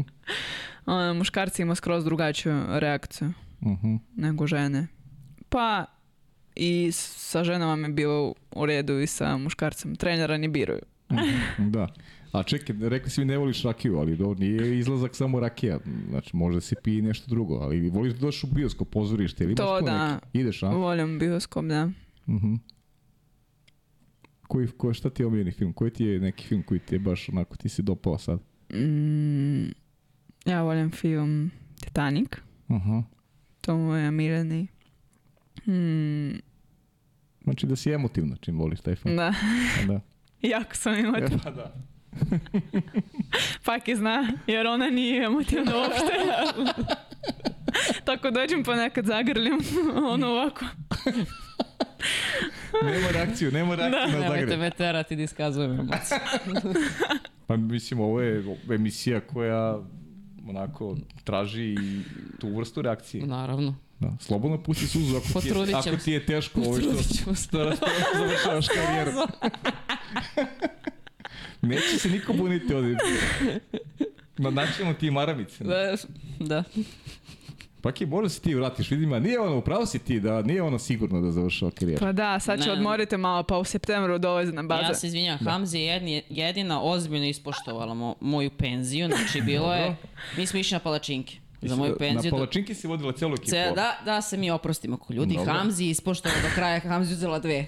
Opa, Sa malinama i nutelom. Sa malinama i nešto. Ja sam rekla, morate ispoštujete moju penziju, nemoj da mi malerišete, ma Hamzi je to shvatila ozbiljno, uzela dve.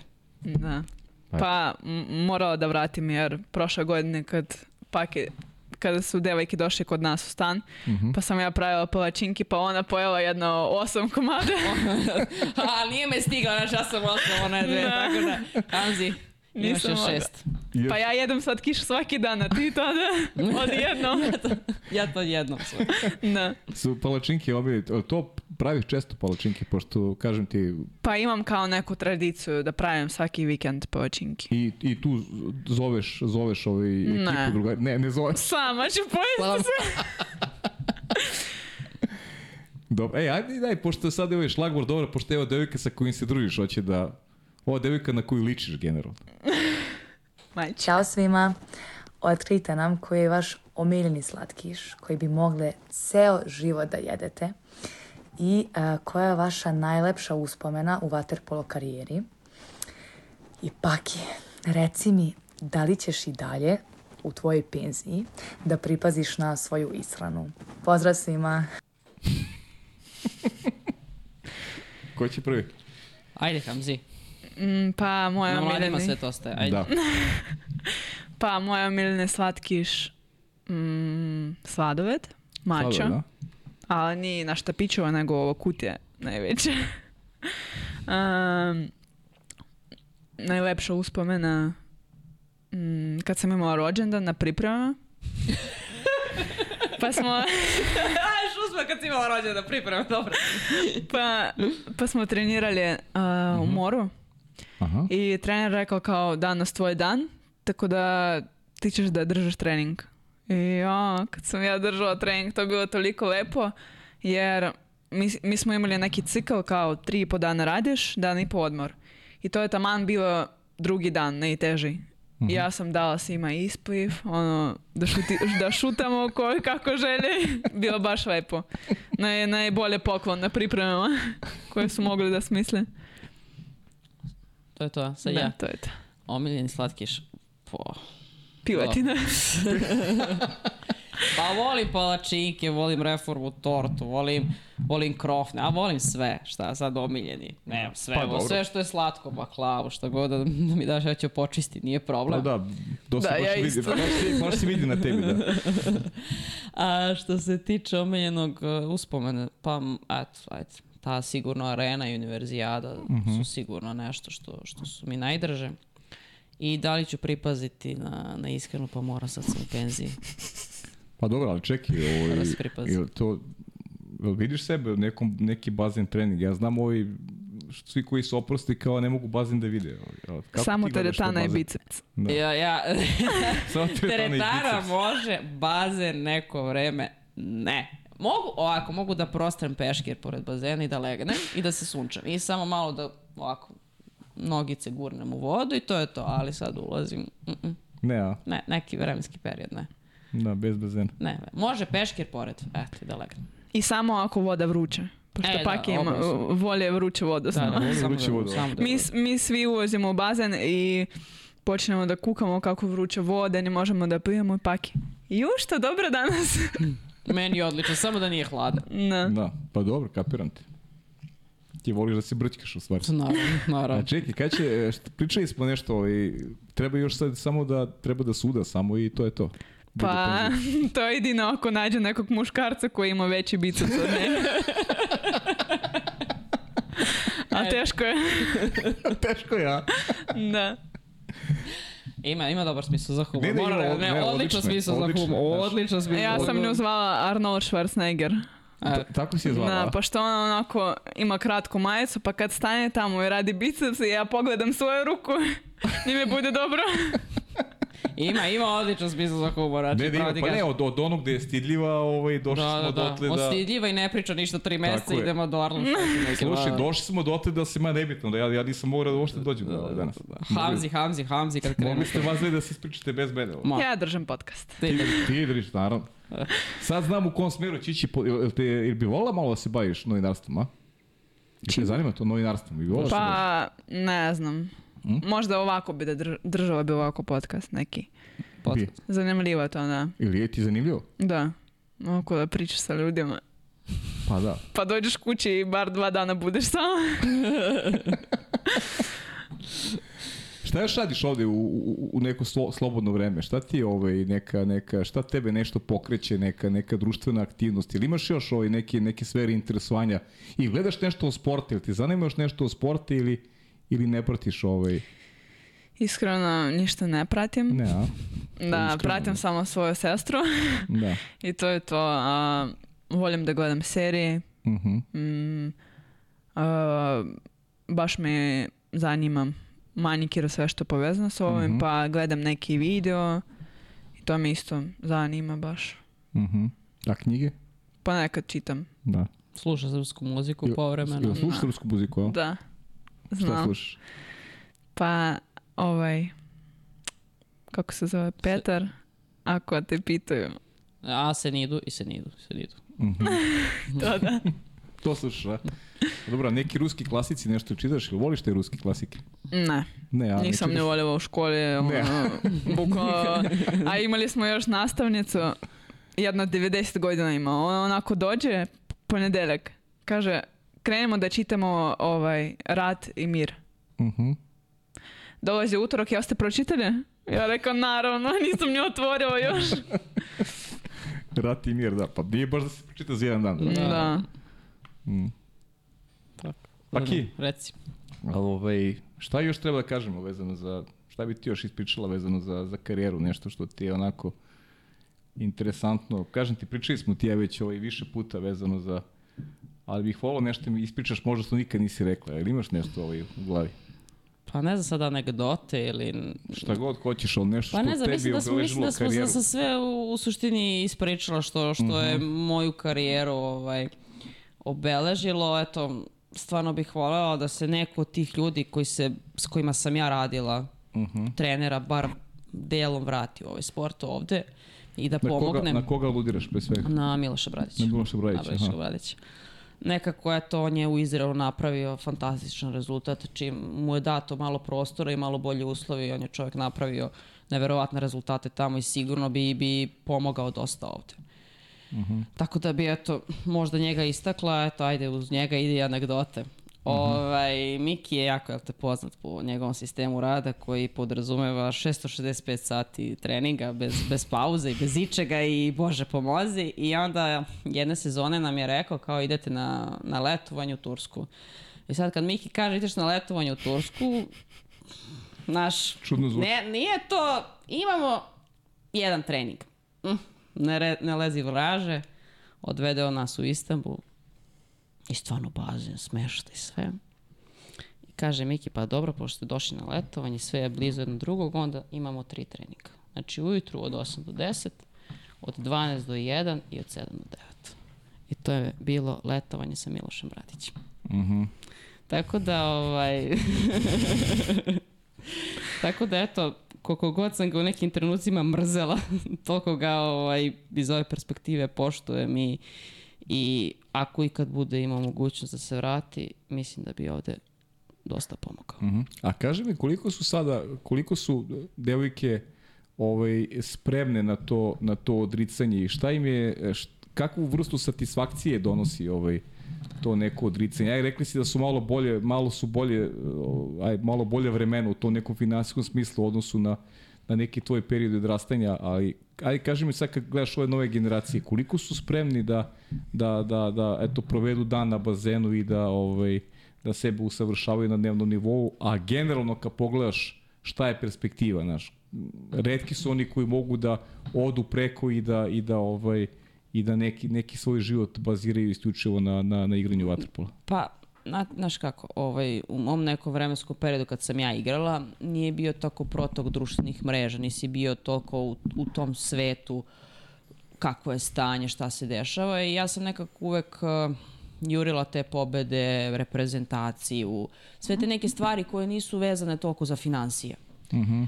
Dok, uh, i onda me to donekle i odvelo. Kaže, moraš malo biti i lud. Ne kažem ja da sam bila prepametna, bila sam malo i luda, Aha. da se ne kažem. No. Ovaj, uh, pa sam dotle došla i to sve uradila. Znaš kako, ja bi svakom detetu savjetovala da proba i da se bavi dokle god može i da vidi da li mu odgovara ili ne. Mislim, ja sam se lepo osjećala. I bilo mi je lepo, koliko god to možda nije imalo u nekom u nekim stvarima perspektivu, ali e, dosta toga sam naučila odnos prema ljudima i nekako ti mnogo te stvari, pobede i poraze proživiš mnogo pre nego tvoji vršnjaci. I naučiš da se dopunjaš ljudima i naučiš da možda umesto nekog moraš da odradiš posao da bi svi bili zadovoljni. Jer ja sam, na primjer, imala priliku jel, da radim i u neki, nekoj firmi i tako dalje, gde ljudi nisu spremni da urade posao umesto drugog. Uh -huh. Nije moj posao. Uh -huh. Ona je spremna umesto mene da uđe na dva metra. Ja sam umesto nje spremna da uđe na dva metra ako je problem. I uh -huh. ti kroz sport naučiš e, ako se ne držimo zajedno, ništa nismo uradili. To je neka čar sporta i ja smatram da svako dete treba se baviti sportom bar do neke 17-18. godine da bi naučio te stvari. Gde ste svi isti i da svi morate da delite, jer to je jedina formula za, mm. za uspeh u životu nadalje. Sad, perspektiva, nažalost, takva kakva je, ne možemo da se obezbedimo, moramo da imamo plan B, apsolutno sve, jer u inostranstvu si ti uvek stranac, koliko god bio dobar, bit ćeš stranac. Da, da. Eto, to je Jest. neka moj opšti, opšti zaključak. E, ali znaš što te to pitam. Uh, jedan od razloga do čega ti postavljam to pitanje je što, znaš, e, koliko smo mi stariji krivi. Jer upravo, znaš, praviš od uh, deci neka, neka očekivanja i ti sad gledaš u napred tu njihovu budućnost, znaš. Da li je tu vaterpolo kao sport možda u hendikepu, što se ne gledaju te osnove? Uh, povezat će se deca, naučit će šta je zdrav život, kako pomoći drugaru, znaš, napraviti neke smernice za budućnost, a ne unapred gledati e, neki benefit, finansijsku benefit u sportu. Zato ti postavljam to pitanje, koliko se taj odnos sada starijih prema, prema sobstvenoj si promenio uh, u smislu očekivanja? Pa da, sigurno sad dru, drugačije se to gleda. Gleda se dosta ta finansijska strana i, na primer, ja sam počela to da gledam i njima kažem, ja ne mogu njih da slažem da kažem, e, bavi se ovim sportom, uloži 300%, samo se tome posveti. Uh mhm. -huh. Ne mogu da slažem, ne mogu da slažem dete o tome. Ja mogu da mu dam smernice. E, daj 300% da bi ostvario neki dobar rezultat, da bi osetio to, ali ima nešto sa strane. Mm -hmm. Znaš, e, i to se dosta danas gleda i ja ne mogu da kažem da je to pogrešno. I neću da kažem. Da, da. Eto. Sam ne znam da smo se dobro Ne, razumeli. ne, jesmo, da, pa dobro, gleda, sam postoji, dobro. postoji, da, pogled, mislim, to je pogled i sa, Ja- sa, sa, sa, ja- sa, dve strane, I jedan i drugi je ispravan, kako ja bi ne ti mogu rekao, da, znaš. ja nažalost možda nisam imala toliko prilika da stare igračice mene usmeravaju da mi pričaju tome i nekako sam smatrala da ja moram, ako meni nisu to rekli i ako me nisu možda usmerile, da ja moram njih. I Da. time se vodim, ja kažem, igraj, treniraj, budi super, os- ostvari sve što hoćeš, jer ja sam prva se trudila da imam neke realne ciljeve. Moj cilj nije bilo kao olimpijsko zlato. Zašto? Jer ja znam da nažalost mi ne možemo da idemo olimpijsko zlato. Moj cilj je bio reprezentacija, igranje u inostranstvu, nacionalni trofej i tako da je nešto što je u realnosti. I ti kad neke smart ciljeve, realne post, Mhm. ostvariš, ti si zadovoljan. Ja sam to očekivala, zato i njima kažem. Budite najbolji u ovome dokle god možete, ali trudite se da ratujete na dva fronta. Pa ne, u stvari najvažnija je ravnoteža, znaš, sport, sport i, i, i nauka, znaš, to, Da. je, to je najbolja stvar, ravnoteža, to treba bude polazna osnova, a onda kako ti se otvara, Otvara, da. otvaraju vrata, ti se onda na osnovu toga opredeliš, se slažeš sa tim, jel da? Da, baš stvarno sa paki. Da. Da, Ovaj. kažem opet, moraš malo biti, ja sam malo bila i luda, nisam baš bila ovaj, prepametna, kažem, za to sve moraš malo biti i lud i biti fanatik, jesam bila, ali kažem, želim njima da i možda isprave moje greške. Mhm.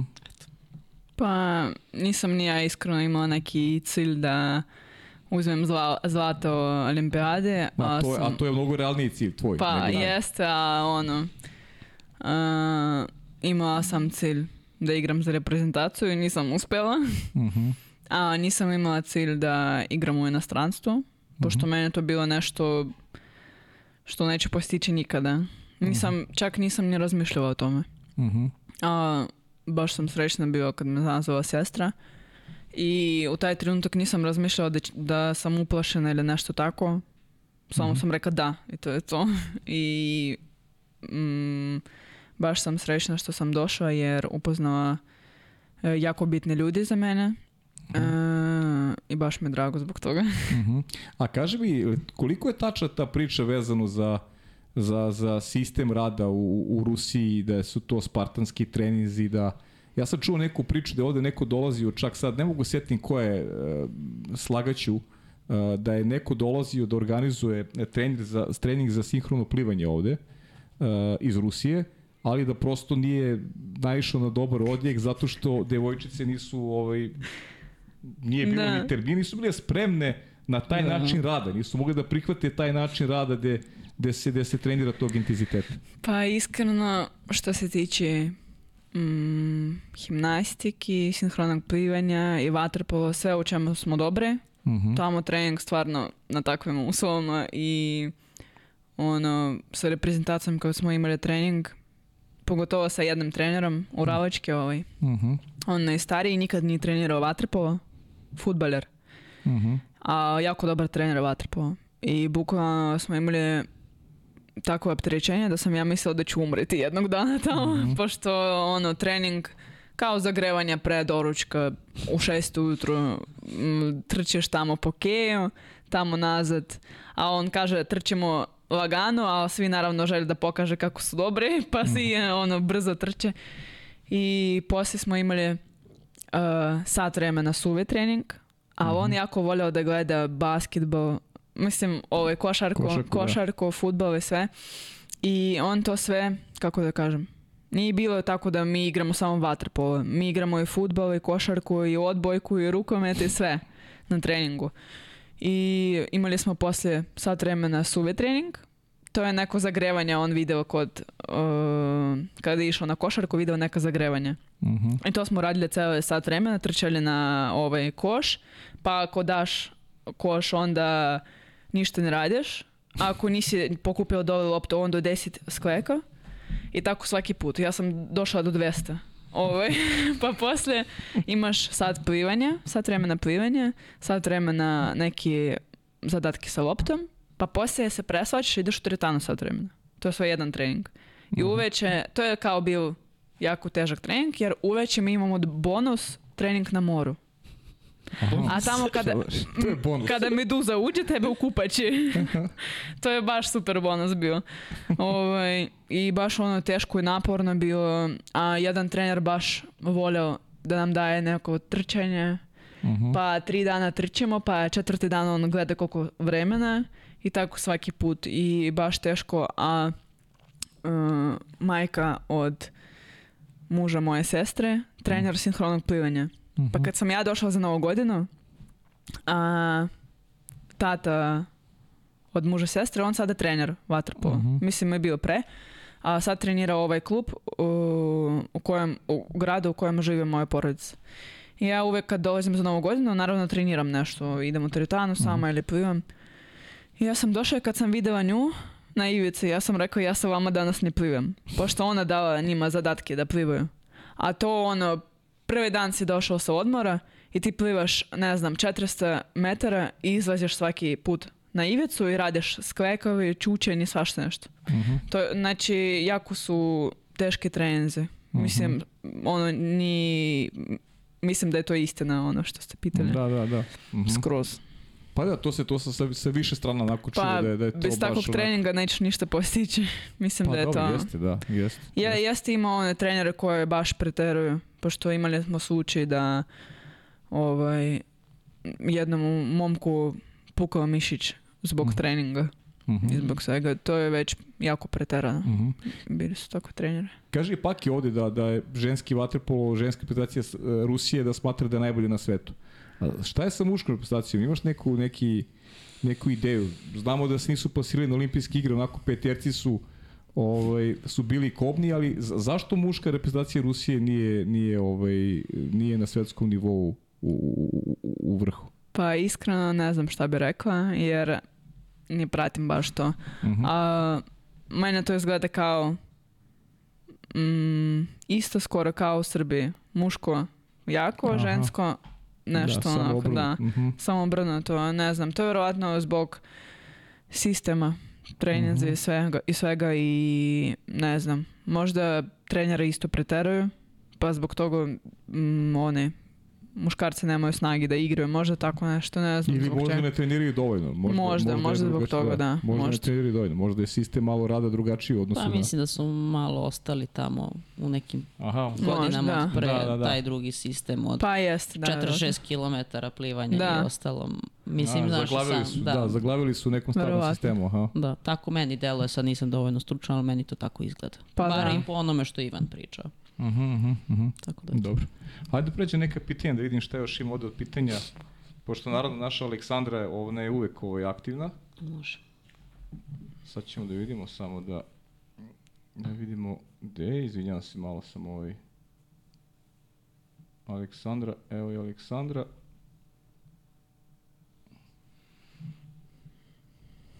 Evo ovako kaže, prvom gostovanju našem podcastu, ona je rekla se nada će do kraja godine diplomirati i više neće biti absolvent.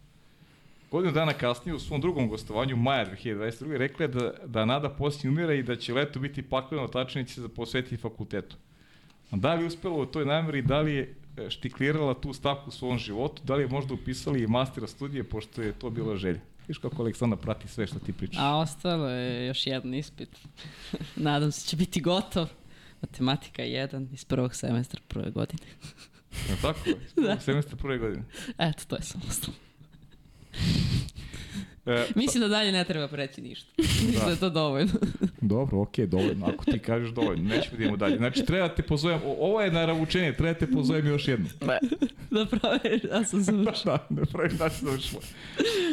E, kaže, kao i uvek, volimo da pohvalimo kada su naši gosti uprko s profesionalnim karijerama posvećeni obrazovanju. Koliko je teško uslediti bavljanje sportom obavez na fakultetu i koliko obrazovanje je važno za jednog sportistu. E, imaju li profesor razumevanje kada su pripremu pitanju? Ok, ti si nemoj vedi što si online, ali, ali opet ajde, ovaj, kako ti tu temu vidiš i... Pa meni je iskreno uvek obrazovanje bilo prioritetom. Uh -huh. I uvek ono, imali smo sportsku školu, ali uvek sam mm, odučila obrazovanje nego trening i uvek ako Mhm. trebao nešto da popravim neke ocene ili nešto da naučim, nisam dolazila na trening pošto meni je to bitnije. Ja Mhm. neću igrati do 50 godina, Tako je. tako da prvo treba da razmišljaš o tome, ja mislim tako. Mhm. Pa čak ni baba nije igrala do 50 godina. Čak i babo otišla na vreme.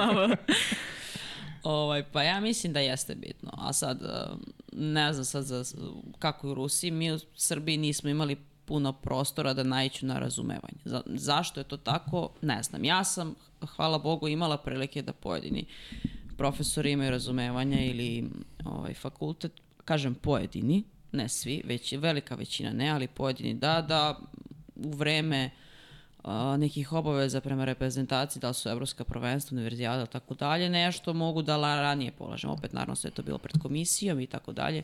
Ja se nadam da će nekada da se promeni to, jer stvarno, ako studiraš državni fakultet i ako radiš nešto za dobrobit uh, nacional, nacionalnog selekcije ili šta god, da bar se ti termini budu prilagođeni, znači ne, apsolutno ne, ne tražim ništa drugo, nego da se prilagode termini polaganja, da se ne poklapaju sa evropskim prvenstvima ili šta god, eto, to, to nešto što bi možda, možda istakla, eto, kad bi moglo se promeni.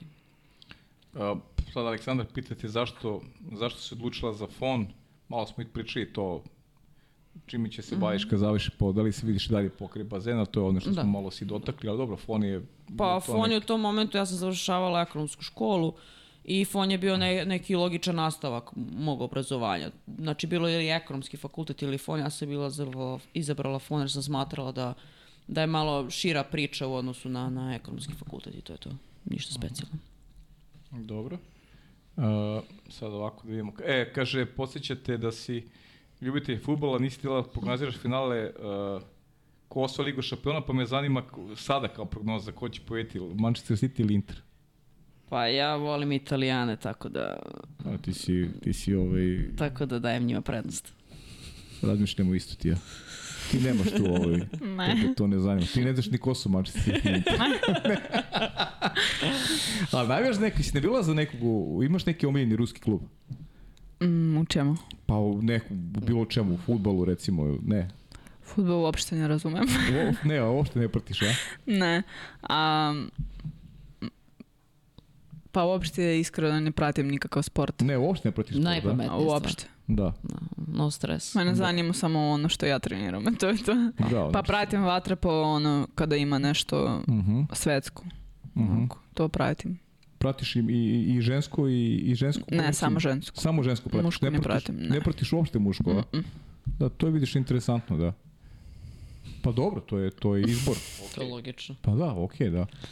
Mislim, ono, ako sestra i njen muž gledaju nešto, onda ja gledam sa njima. Aha. A oni baš prati jedno i drugo.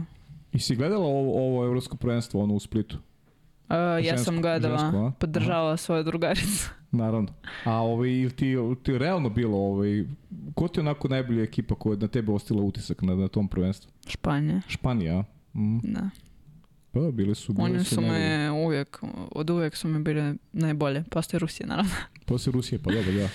Španija, dobro, dobro su igrali i Grkinje, dobro igrale i... Da, Da, da. jesu. Mm. Grčani Mađari. isto su dobri, da. Da, da. Dobro. Uh, opet Aleksandar kaže, mora kaže, pitan koliko se promenio ženski vaterpol u Srbiji u smislu uslova za rad.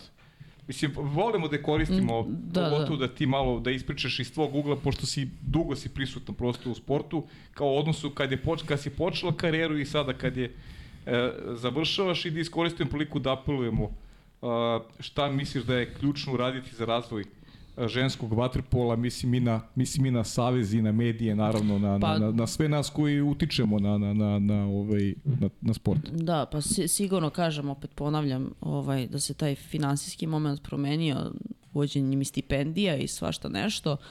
Naravno, te, dešava se nešto, ne mogu sad da kažem ne dešava se ništa. Dešava se nešto, ali opet to je sve tako nekako sporo, idemo jedan korak, vratimo se tri, Uh, gubimo, kažem opet, veliki broj igrača. Ja svako evropsko smo igrali u drugom sastavu. Znači, ni Dejan Savić da ti svako evropsko igraš u drugom sastavu, ne može čovek da, da napravi nešto. Tako da, stvarno, kad bi imali neki stalni kontinu, kontinuitet, neki stalni, neki sastav sa manjim izmenama, desilo bi se sigurno ne, ne, neki veći pomak. Kažem opet, uh, javljaju, dešava se nešto, pojavljuju se klubovi, uh, bolji su uslovi, mm, kažem, kad bi se poradilo na toj nekoj budućnosti u smislu uh, egzistencije, sigurno bi bilo bolje. Sigurno bi bilo bolje. Ja da kažem, uh, opet, mediji su tu, ali mora te medije neko da obavesti. Mm -hmm. Nekog da ih usmeri. To je opet posao Saveza, zar ne? Ja yes. mislim da jeste. Yes. Posao Saveza je da usmeri medije, da ih obavesti, da omogući neki TV prenos. Tako da kada se na vrhu de, dešava neka promena iz korena, sigurno ta promena će se uticati na celo preduzeće. Jer vrh, mm. Od vrha kreće promena. Tako da bi ja po, možda sad, možda imam i posljednju priliku, ne znam kada ću opet imati, da apelujem na Savez da promeni ugao gledanja, da poradi na tome, jer ako hoćemo da sačuvamo ženski vaterpolo od 26. a i posle toga, ovo je, ja mislim, sada poslednja prilika da, da se nešto desi. Mm -hmm. Eto. Kaži mi Milana, generalno, teo se te pita malo ko je Dunav Ligi. E, sad je to poređenje neke, tu su sad, malo pre smo rekli da je Mađarska, Mađarska ima jako dobre klubove i da generalno reprezentacija Mađarske, ženska reprezentacija jako dobra koliko si, kako si ti, ovaj, kako gledaš na te utakmice sa mađarskim ekipama, sad u ovoj Dunav ligi, si osetila a, taj, taj neki ekstra kvalitet, kako si ti snašla, u, gde, gde si sebe videla u krajnjem slučaju i kolika je razlika, et, recimo, et, eto, između tih mađarskih ekipa u odnosu na, u odnosu na srpske? Pa, iskreno kažem da mađarske ekipe, oni su slični kao ruski. Uh mhm. -huh. Oni jako su pokretljive, čekaju te već na pola terena, mm -hmm. ne puštaju te agresivne igre i tako treba da igraju i ja bih voljela da i mi da naučimo tako da igramo mm -hmm. jer ona utakmica na Dunav Lige mi smo bukvalno napuštali njih na 5 metara a one nismo mogli da stignemo na 7 metara mm -hmm. i to mi se sviđa u Waterpolo mađarskom mm -hmm. i skroz različite vaterpolo, srpsku i mađarsku. Mhm, uh -huh. A mislim da to zavisi od treninga i... Od kvaliteta da, treninga, da. da. Uh mhm. -huh. Tako je. Da, tu znači, tu, to je to što si rekla, da, taj neki, neki naprav, a to mora Savez da prepozna, mora da obezbedi, mora da obezbedi Mislim, bolje uslove. Da, Mislim, treba yes, ti jača da. liga da bi ti napredao. Naravno, oni, oni, ja sam imala priliku da, da gledam, da budem deo toga i taj odnos Saveza prema, prema aj kažem, uh mhm. -huh. vaterpolo crtica ženski, uh mhm. -huh. je apsolutno isti kao i prema muškom. I oni se isto kotiraju, isti su uslovi, ista očekivanja, što je super. Uh -huh. Uh -huh. Uh, kažem opet mi i Hrvati imamo jak, jako veliki problem i to niko ne može da razume zašto kao neka eksiju groznica šta uh -huh. god da i mi Hrvati kuborimo sa ženski vaterpolom. Kažem eto ajde mi smo u toj Dunav ligi imali priliku da malo smanjimo tu gol razliku sa BVŠC-om i Sentešom, ona koja se više razume ženski vaterpol sigurno zna uh, ekipa BVŠC-a koliko ima kontinuitet uh, i koliko su kvalitetne u prethodnih ih zaista dosta godina i šta to znači kao i Senteš. Ali opet uh, to nije dovoljno da bi mi očekivali neku medalju, neko, nešto više, uh mhm. -huh. stvarno mora, kažem, Savez da se ozbiljno uključi u to. Uh mhm.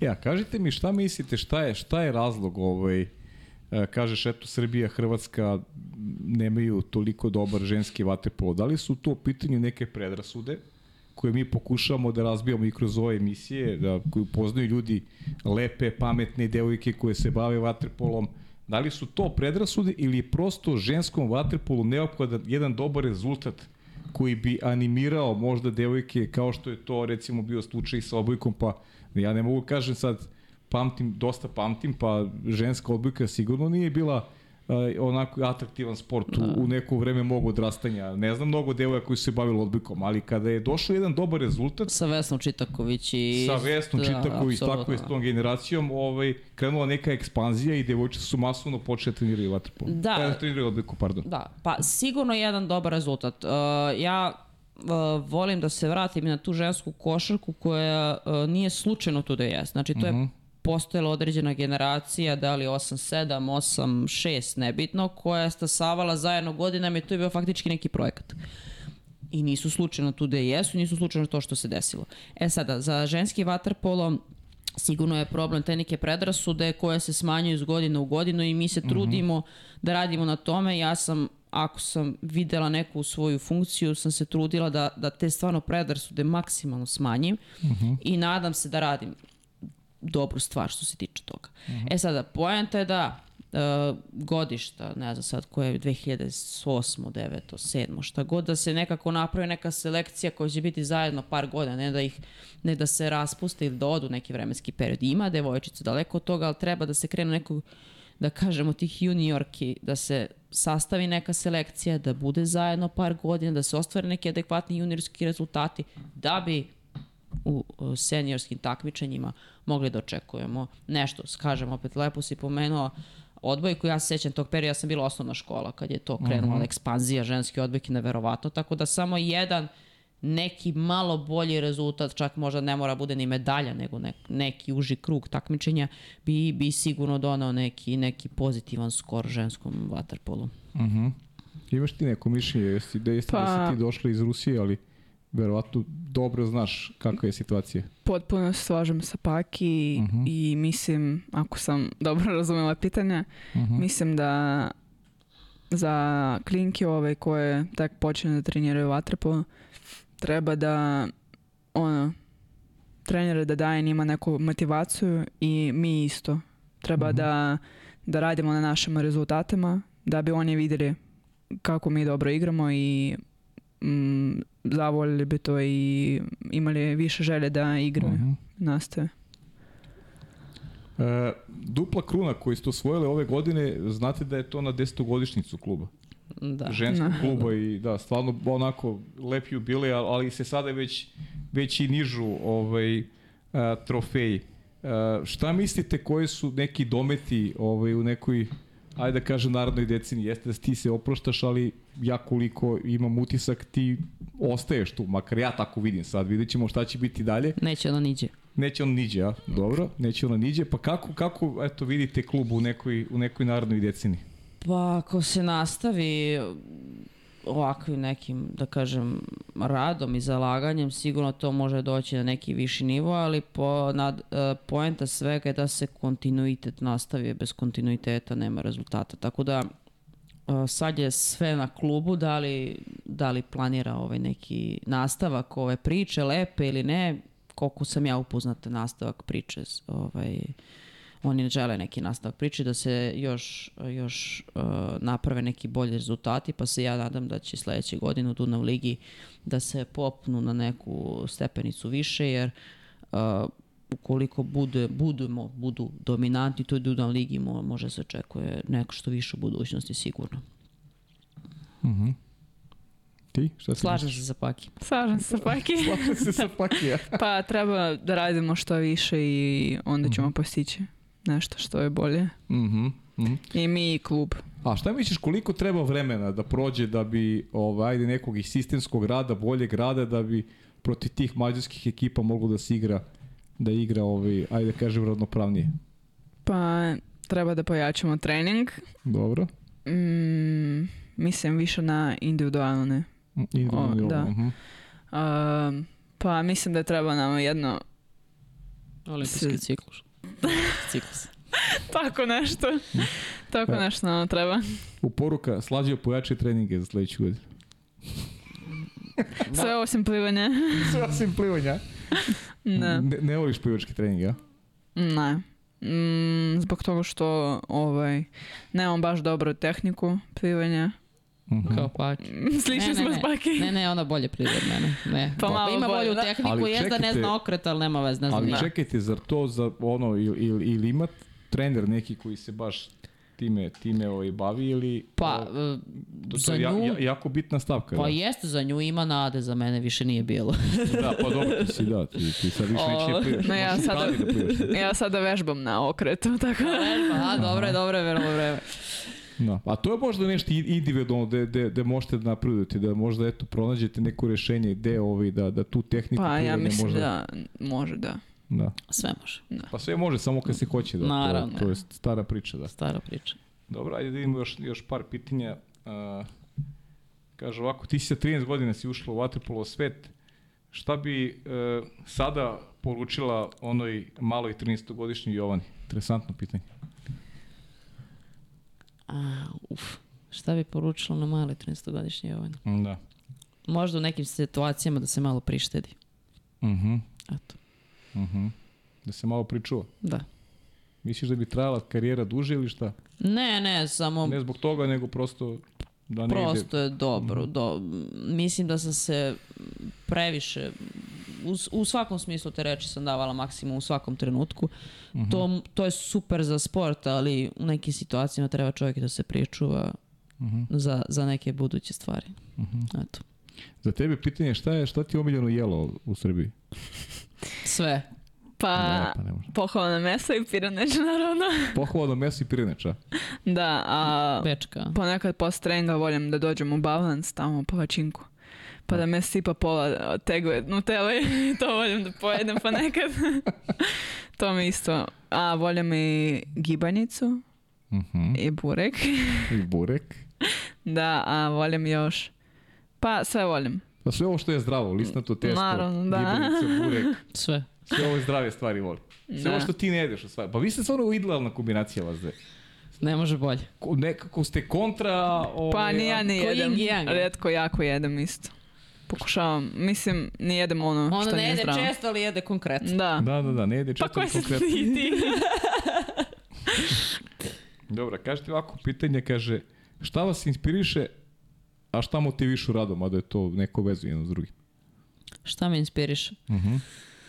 Joj, e, ne znam, volim da treniram. Nema sad tu neka inspiracija, motivacija, jednostavno ta, kako sam počela da, da se bavim sportom, uvek me imala sam volje da treniram. Mislim, naravno bude dana kad ne, ali kad ti napraviš neki progres, znaš, kad uradiš nešto što nisi očekivao ili naučiš neki potez koji si mislio da nikad nećeš da izvedeš, to je nešto što te vuče napred. Bar i mene. Mm, mm, isto volim da treniram, a naravno imam danove kad meni ide ništa. Pa da, naravno. I više volim kada imamo utakmicu neko naprave grešku, a ja imam mogućnosti da popravim i ja odradim to kako treba. I baš mi je drago da kada pomognem nekome na utakmici. Pogotovo kada Anja na beku, a bacuje loptu u centru, a ja pokupim loptu. To mi je nešto omiljeno. Da. A to je, to je ko- kod sportista generalno. Kako se nositi sa tim? Ovaj, često se ovaj, ustanete, utakmica važna, a nije vam baš ni do čega. Imate u glavi, niste svoji, imate neke probleme koje, s kojima, eto, dnevne, s kojima živite, a treba da odigrate. Ka, ka- kako tu pobediti? Pa ovaj? mi, mislim, od, pre, to je prednost uh, jel te, timskog sporta, jer ako ne ide meni, ići će njoj i obrnuto. Ja se trudim da ako vidim da mi ne ide, da Da prepoznaš kom ide, a? naravno, da pokrpim ako mogu nešto u odbrani, da prenesem loptu, prebacim težište igre, o, uzem par isključenja ili tako, tako nešto. Hvala Bogu, kažem, timski sport je nešto što, što ti to donosi ti to. Da tim čak i u situacijama tvog lošeg dana može da ispadne dobro. Da, slažem se. Sa paki. Slažem se Sa, pak- sa babom. Sa babom, pa da. Da, zato je baba, ima iskustva. Ne. E, koji je vaš najveseliji dan u privatnom, koji je u poslovnom životu? U privatnom, Mhm. a u poslovnom, Pa- posao, kraj karijere. To je najveseliji dan. da, smo se svi radovali. Poslovno, a privatno, pa ne znam. Sad, sad sam prolazila, ovaj, kad sam dolazila do studija, videla sam moje maturante. I prisjetila sam se svojih dana kad sam završala srednju školu, tako da mislim da je to u privatnom životu bilo jako, ovaj, jedan najveselijih dana, da. Kad sam završavala srednju, Srednju školu, bilo je baš veselo. Mislim, mi smo imali trubače, oni nisu imali ovde, ali mi smo imali trubače za ispreći sve. Mm, za mene dan kada moja sestra u Volasu pobedile su bile, mislim, prvenstvo. Uh, svetsko prvenstvo. Svjetsko prvenstvo. Da. aha. Ovaj, a u poslovnom Da. mm, kraj sezone, naravno. Kraj sezone. Kraj sezone. E, a koje je vaše najveće razočaranje i, i, i najteži poraz? Hoćeš ja Hamzi ili Aj, ti? ti, da. Pa ja mislim da sam ja 50 puta rekla, već i 51. Ovaj, Beogradska arena, Mhm. prva utakmica protiv Nemačke, vodimo 5-1, kupimo jedan gol razlike i ta utakmica je mogla da nas odvede U četvrtfinale. Da.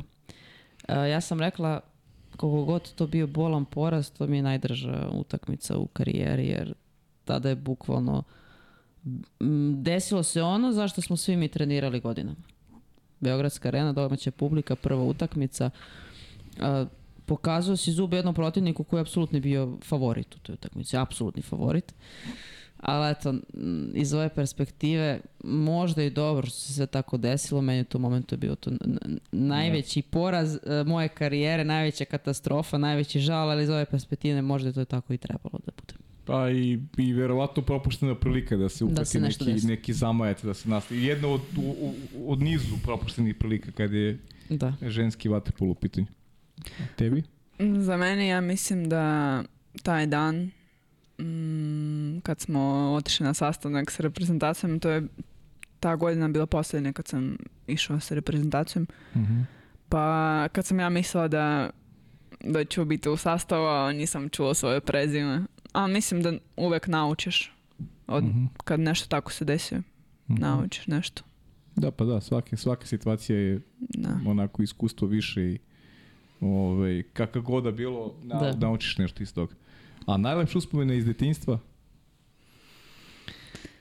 Aj Hoćeš ti. ili ti? Aj ti Faki. Pa, pa bilo ih je dosta, ne znam, ali ono me vezuje za, za vreme provedeno sa babom i dedom u vikendici uh, u Beljinu i pecanje na Savi, kupanje u, u mini bazenu, tada nisu bili baš ovako veliki bazeni kao što danas i klinci imaju prostora. Eto, to su neke stvari, babine palačinke, reforma torta i tako dalje, sve ono što je e, što je, ulepšali su nam u svakom slučaju meni i bratu u detinstvu. Mhm. A, isto, baš slažem se Paki, opet. ovaj, mm, za mene najlepše dano je kad svako leto sam išla kod babe. Tri mjeseca dana sam bila kod babe. Bili smo onako par dana u gradu, par dana tamo u vikend, na vikendice.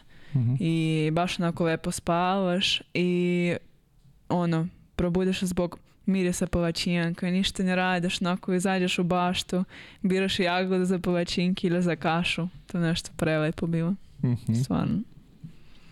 A, a delo ili rezultat na koji ste najponosniji? Delo je rezultat. Mhm. Pa, mm, šta znam. Rezultat, a može sad ta, sam taj ulazak u nacionalnu selekciju, ajde. Aha. Da, možda, možda u tom trenutku za mene koja sam imala 16 godina, ulaziš u reprezentaciju, je bilo, eto, ne, to nije ni rezultat. Ajde, kažem da ga da stavim pod rezultat. Pa dobro, kao Ajde, delo to je, neko. Mislim, znaš. lepo, da, da.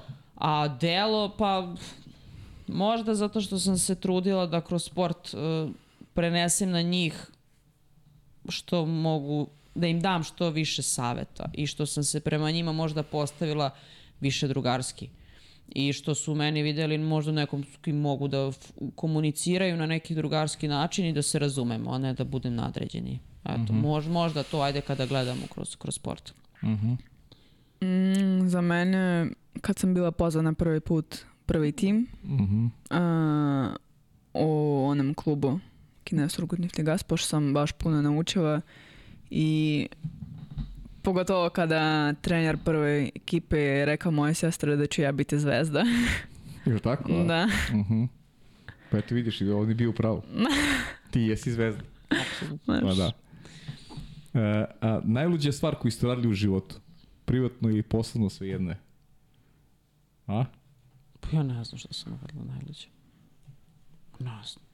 Nisi luda, šta? Pa jesam luda. Ma, za mene je verovatno najluđa stvar to je kada baba otešla na uradnju, a mi smo s sestrom ostali nas dve kući Aha. i uzeli kese, onako providne, a bile smo na devetom spratu, ja mislim. A Mhm. Ja sam imala negde 8 godina, a ona 13. Mhm. I sipali smo vode i bacali na ljudi. S devetog sprata, pa poslije kada muškarac pronašao stan i došao kod nas. I a, kad baba čuva to Ba, baba, mučena baba. Da. Ja, ja. Ne, nisam to uradila. Ne, ja znam, sad me vidiš, ne mogu da se setim. Ne mogu da se setim. O, hoće, hoće da bude fina do kraja. Stvarno ne mogu da se setim, evo sada me pitaš, ne mogu da se setim. Dobro, ne možeš setiš, okej. Da li imate neki omiljeni svakodnevni ritual ili, ili ritual pred meč? Pred meč, dupli espresso. Dupli espresso? Dupli espresso i čaša vode. Pa, da slušam muziku samo i to je to, nema ništa. Šta? Šta slušaš? Pa, Neku... ja sam meloman, volim sve da slušam. A, boli sve Da. da. A nekad... Onako nešto ni ni neka spora muzika, nešto što Aha. me onako, Aha, brže nešto, da. okej. Ali imate neki hobi ili neki drugi sport koji pratite? Ti si nešto pričala Pa volala da si volao mislim- NFL da... Pa jedno vreme, da, da, da, da, američki futbol mi je bio. Nisam ga ispratila kako treba, ovaj, kad sam, to je bilo u os, osnovnoj školi, tada je tek u nekom periodu su bili popularni Vukovi i američki futbol. I ovaj... Evo ga jedan od... Pozdrav. I onda sam, moj jedan drugi trenirao i onda me navukao. I onda smo mi jedno vreme to baš pratili, kupila sam i loptu sam kupila, imala sam sve, ja i 14 dečaka igramo ovaj američki futbol ispred kuće. Bilo je, bilo je zanimljivo, to, ali to je bilo baš davno, tako da poslije Mhm. x i y godina nisam nešto ispratila. Kažem, evo sad sam nešto ispratila košarku i, Euroligu malo i kažem, futbol sam nešto malo pratila domaći šampionat, ali ne mogu da se pohvalim da sam posljednje dve godine nešto baš intenzivno pratila sport, eto iskreno. Ali kažem, volim da pogledam futbol i košarku, volim ženski rukomet da gledam, ženski jako. Mhm. E, je super i ovo što radi Ferenc Varoš je, je sjajna stvar sa Lekićkom i, i Cvijom. Mhm. To volim da pogledam, tako da eto, to je neki... Pa, Tobi? ja ne pratim sport. To, da, to znamo, to da, smo saznali. a ono, voljena osoba prati tenis, pa ja isto onako nešto Đoković. A, Pogledam Đokovića, da? ponekad, da. Mhm. Ne. I hobi, mislim da sam već rekla, ono za manikir Mhm. i tako to ništa više, ja mislim. Dobro. Ajmo sad još, još dve stvari. Nedosanjan san. A Hamzi, aj ti dok se ja setim. Koji san? Nedosanjan. Što nisi ostvario? Nešto nisi A. ostvarilo. Mm. Pa opet tužna prica, priča. Reprezentacija. Da. To vjerovatno ja bi... Mislim da bi ja voljela tada kad sam počela. Ono, kao baš klinka u 15 godina, koliko već. Da budeš kao sestra. Da. A poslije, ta sam, poslije sam skontala ima neka, ovaj, neki izraz na ruskom. Jedna sestra pleše, druga gleda. Pa ja ću gledati. Aha, da, interesantno. Tako da, Dobar izraz. Jedna sestra pleše, druga gleda. Da. Ja ne znam, ja možda proputujem svet. Eto, Mhm. to još nisam. Mhm. A neki životni sportski moto, eto, za, za kraj. Živo si. Hoćeš ti ili ja sportski? Mot. pa ja i dalje, ovaj, kako se zove, držim se te rečenice, nikad ne odustaje ili ono strp, strpljen spašen, tako da eto. Mhm. Strpljenje i neodustajanje je nešto što, što mislim da može svakog sportistu da usmeri na pravi put. Mhm. pa ja isto mislim da ne treba nikad, kako da kažem, da pustiš ruke i treba uvijek da ideš do kraja koliko mm, s obzirom kao nije ni bitno koliko teško, ali treba da ideš do kraja u- uvijek da završiš ono što si počeo. Mhm. Kao baba. Kao, kao baba.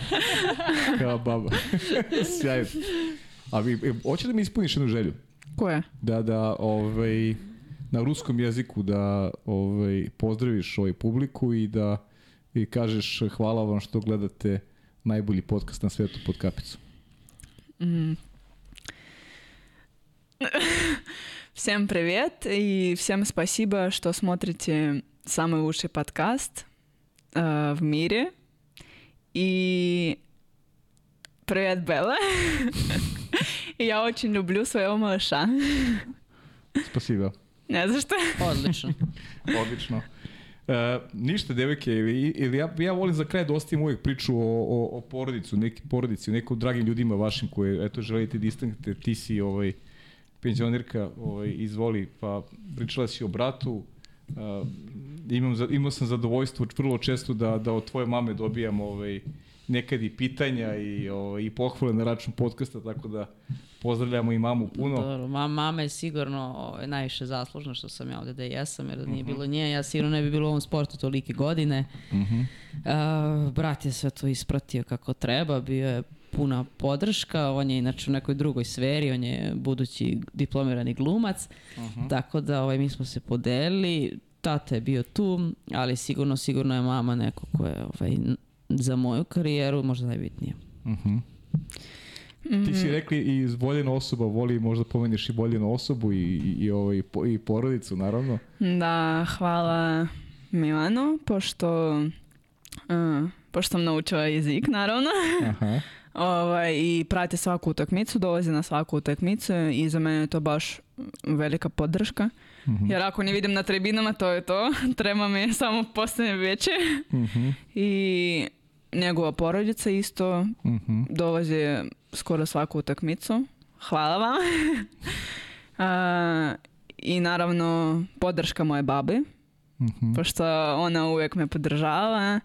Ono, mama nije toliko jer kad mame kažem da sam dala jedan gol ili dva, ona me pita zašto nije više. Mhm. A baba uvijek me podržava i naravno sestra jer ako ne bi ona ja ne bi ni počela i ne bi bila ovdje i ne bi upoznala svi, sve, svih ljudi koje sada znam. Mhm. Da, ti, si, ti, imaš, ti imaš i mlađeg brata, ili tako? Da. Mhm. I on sada trenira boks i plivanje. Boks i plivanje, a? Da. Ruski sistem, odmah tri sporta, 68 sati treninga, pa idemo, ko preživi. Da. Dobro, to je, to je... Nadamo se da će onda napraviti neku, ovaj... Kako si onda rekla onu izreku? E, Jedna, Jedna sestra pleše, druga jedna- Druga gleda, da. Druga gleda, šta radi brat? Brat isto pleše. Isto pleše. Baš se nadam. Znači ti si tako je gleda. Da. Devike, ili ima nešto ovaj, što, što vas nisam pitao, a želi biste da kažete na, na kraju? Kako ti je sa ženama u studiju? Meni predivno, ja sam blaže među ženama užijamo. Je ti zanimljivije sa ženama ili sa muškarcima? Sa, sa ženama mi je zanimljivije. Eto, dobro. Da. Dragi Super. gledalci, je drago sa nam ženama, je da. što, je, što se vodite. A meni je generalno, meni je generalno u životu zanimljivije sa ženama. Pa, realno. Da. Pa. Nemaš puno posla, ovde samo žene pričaju. So, to, ti kažem, to ti kažem. A? Eto. Dobro, znači ti mene pitaš za kraj, Da, umjesto pa ti nikad te niko nije pitao za kraj, pa ja sam rešila da, te pitam. Dobro, lepo, lepo. Pa neko da Hvala misli ti, na tebe. Hvala ti, hvala ti. Pa znam da ti misliš, ja, ja moram kažem, Jovana je inače neko ko ovaj, učestvuje redovno i kreiranju podcasta, meni njena pomoć mnogo znači, tako da se nadam da ovaj, da ćemo nastaviti tu saradnju bez obzira što si penzionerka Da. I u krajnjem slučaju ovaj, meni si lično mnogo pomogla generalno na planu afirmacije ženskog vaterpola. Eto, to hoću da se zna zato što ovaj, praviš mi kontakte i ovaj, učestvuješ u tom smislu ovaj, u nekom, ajde da kažem, i kreiranju i nastavit ćemo da promovišemo ženski vaterpolo ovaj, što je moguće više i naravno u najbolje moguće svetlo. Hvala ti puno na tome. Hvala tebi. Jelena, Ja bih rekao da je baš lepa vaša studija hvala i svima preporučujem, preporučujem da dođu Hvala. ovde. Hvala ti puno, divna si i ovaj, mnogo mi drago Hvala. da sam te upoznao i divim ti se kako Takođe. si naučila jezik, stvarno. Stvarno, ne, neverovatno. Ono, ja u prvi mah kad si progovorila, pomislio sam došla neka devojka iz Vojvodine, ovaj, sve okej, ko je ovo sada? De, Mislite kad sam rekao čao? Da, gde je ona ruskinja? Gde je ona ruskinja što treba da dođe? Da. Tako da, stvarno mi je mnogo drago što si te upoznao i želim ti sve najbolje. Volio bih da ostaneš još koju godinu, ali akoliko bude neka dobra ponuda, naravno, treba da slediš svoj put, a pratit ćemo mi tvoju karijeru i ukoliko budeš otišla negde, negde u neku drugu zemlju. Hvala puno takođe. Baš mi je Hvala. drago što sam došla i što um, iz, kako da kažem. Imala tu čast. Da, Da, imala tu čast i izborila sam svoje, svoju tremu i nije toliko to strašno. Pa nije sam ti rekla. Da, bit će, ti- ti lakše sledeći put kad bude.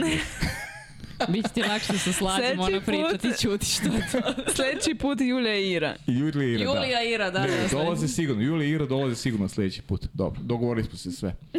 Ljudi, uživajte uz ove divne dame, a ja vam novo druženje zakazujem za sledeću nedelju kada ćemo pričati o Ligi šampiona, o filmovom turniru. Verujem da će neko iz Novog Beograda biti gost tada, ali svakako imamo onako više planova i ideja ove, kako će biti realizovane emisije tokom nedelja koje slede. Ćao svima.